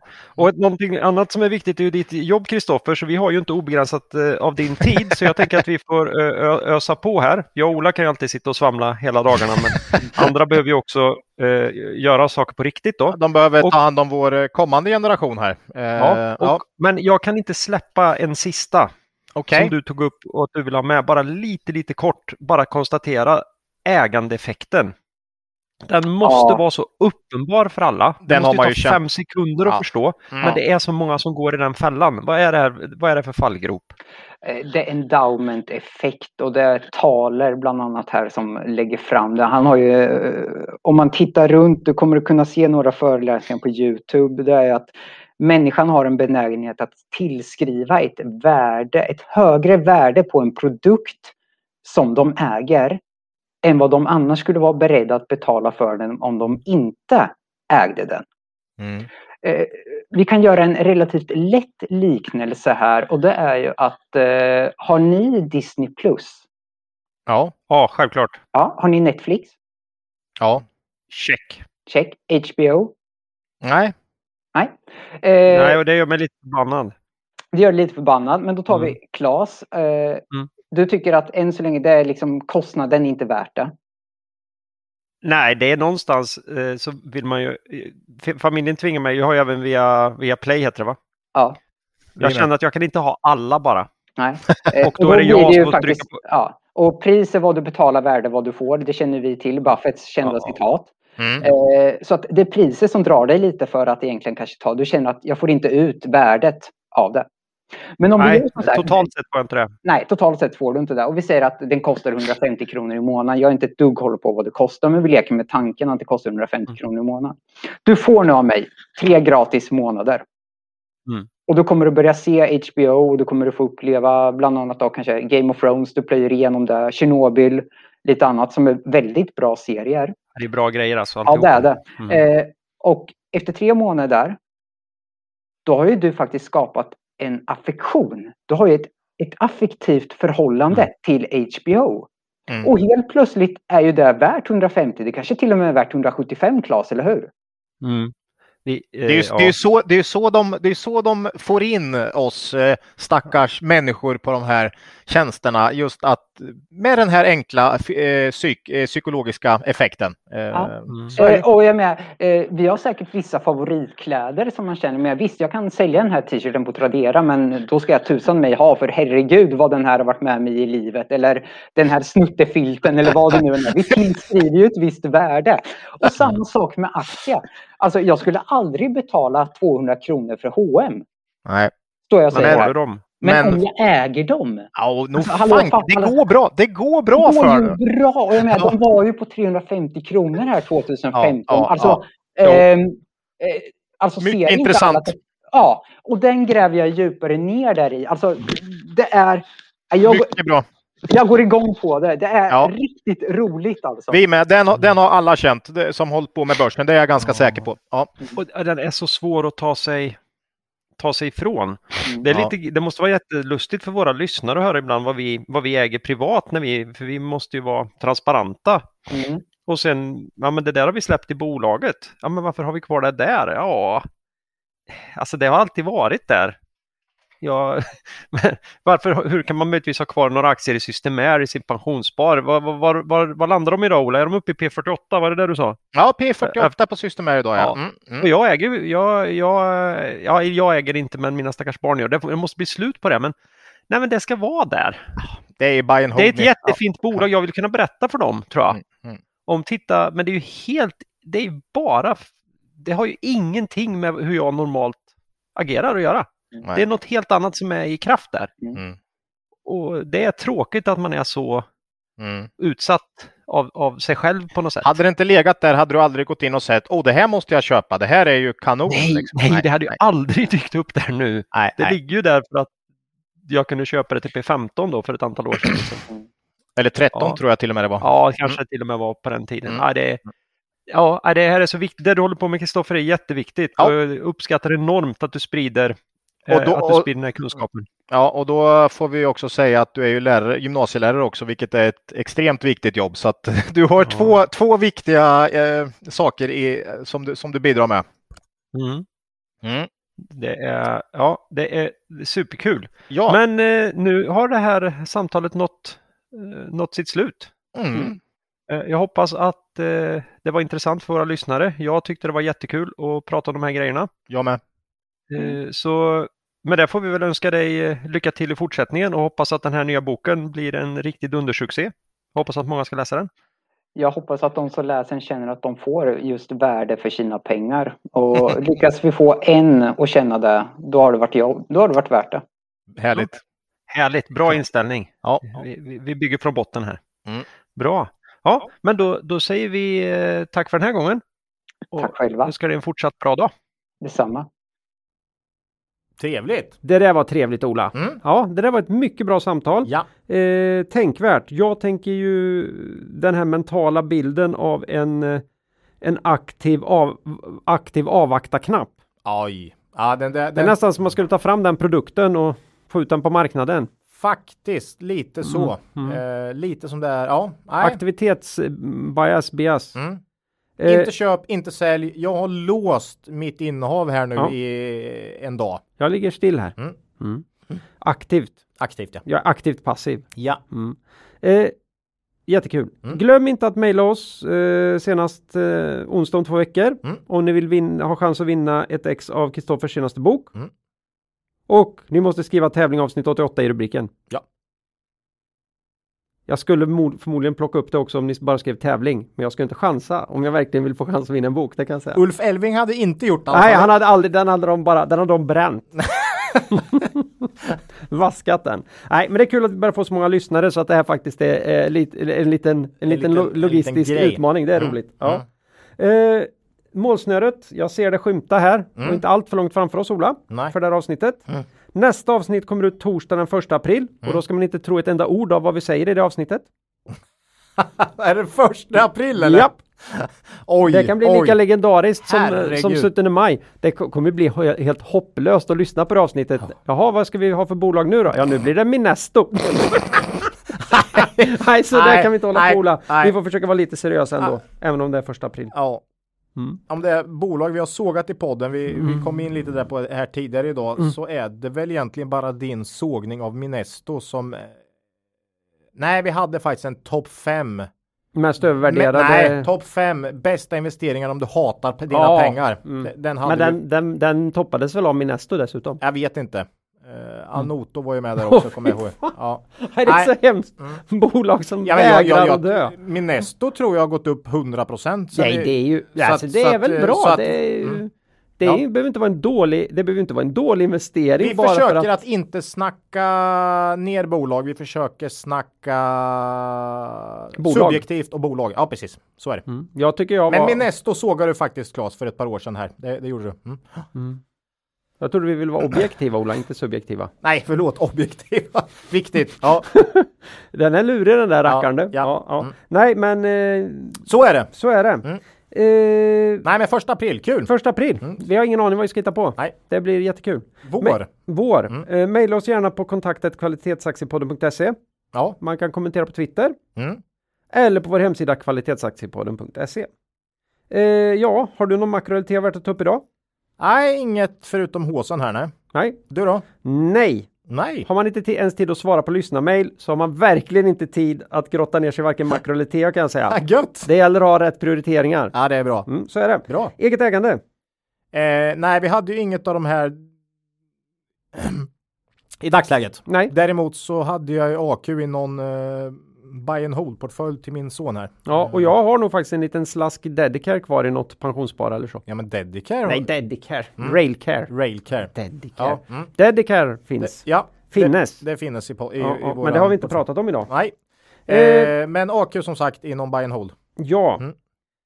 Då så, innan vi skiljs åt då, mm. vill vi bara påminna våra lyssnare om att gå in på Cavaliers hemsida och läsa på om deras fina erbjudanden. Mm. Man kan även gärna följa dem på Twitter. Ja. Man ska inte heller eh, missa att besöka Saver. Nej. .com S-A-V-R. Kan bli lönsamt. .com. Mm. Och kom ihåg att historisk avkastning i fonder inte behöver vara en indikator på framtida avkastning. Och att ni kan förlora delar av ert satsade kapital då fonder kan både gå upp och ner i värde. Mm. Så, så, med det här säger vi hej då för den här gången och ber er komma ihåg att det är först när tillvättat drar sig tillbaka som du får se vem som badat naken. Lose money for the firm and I will be understanding. Lose a shred of reputation for the firm and I will be ruthless. I welcome your questions.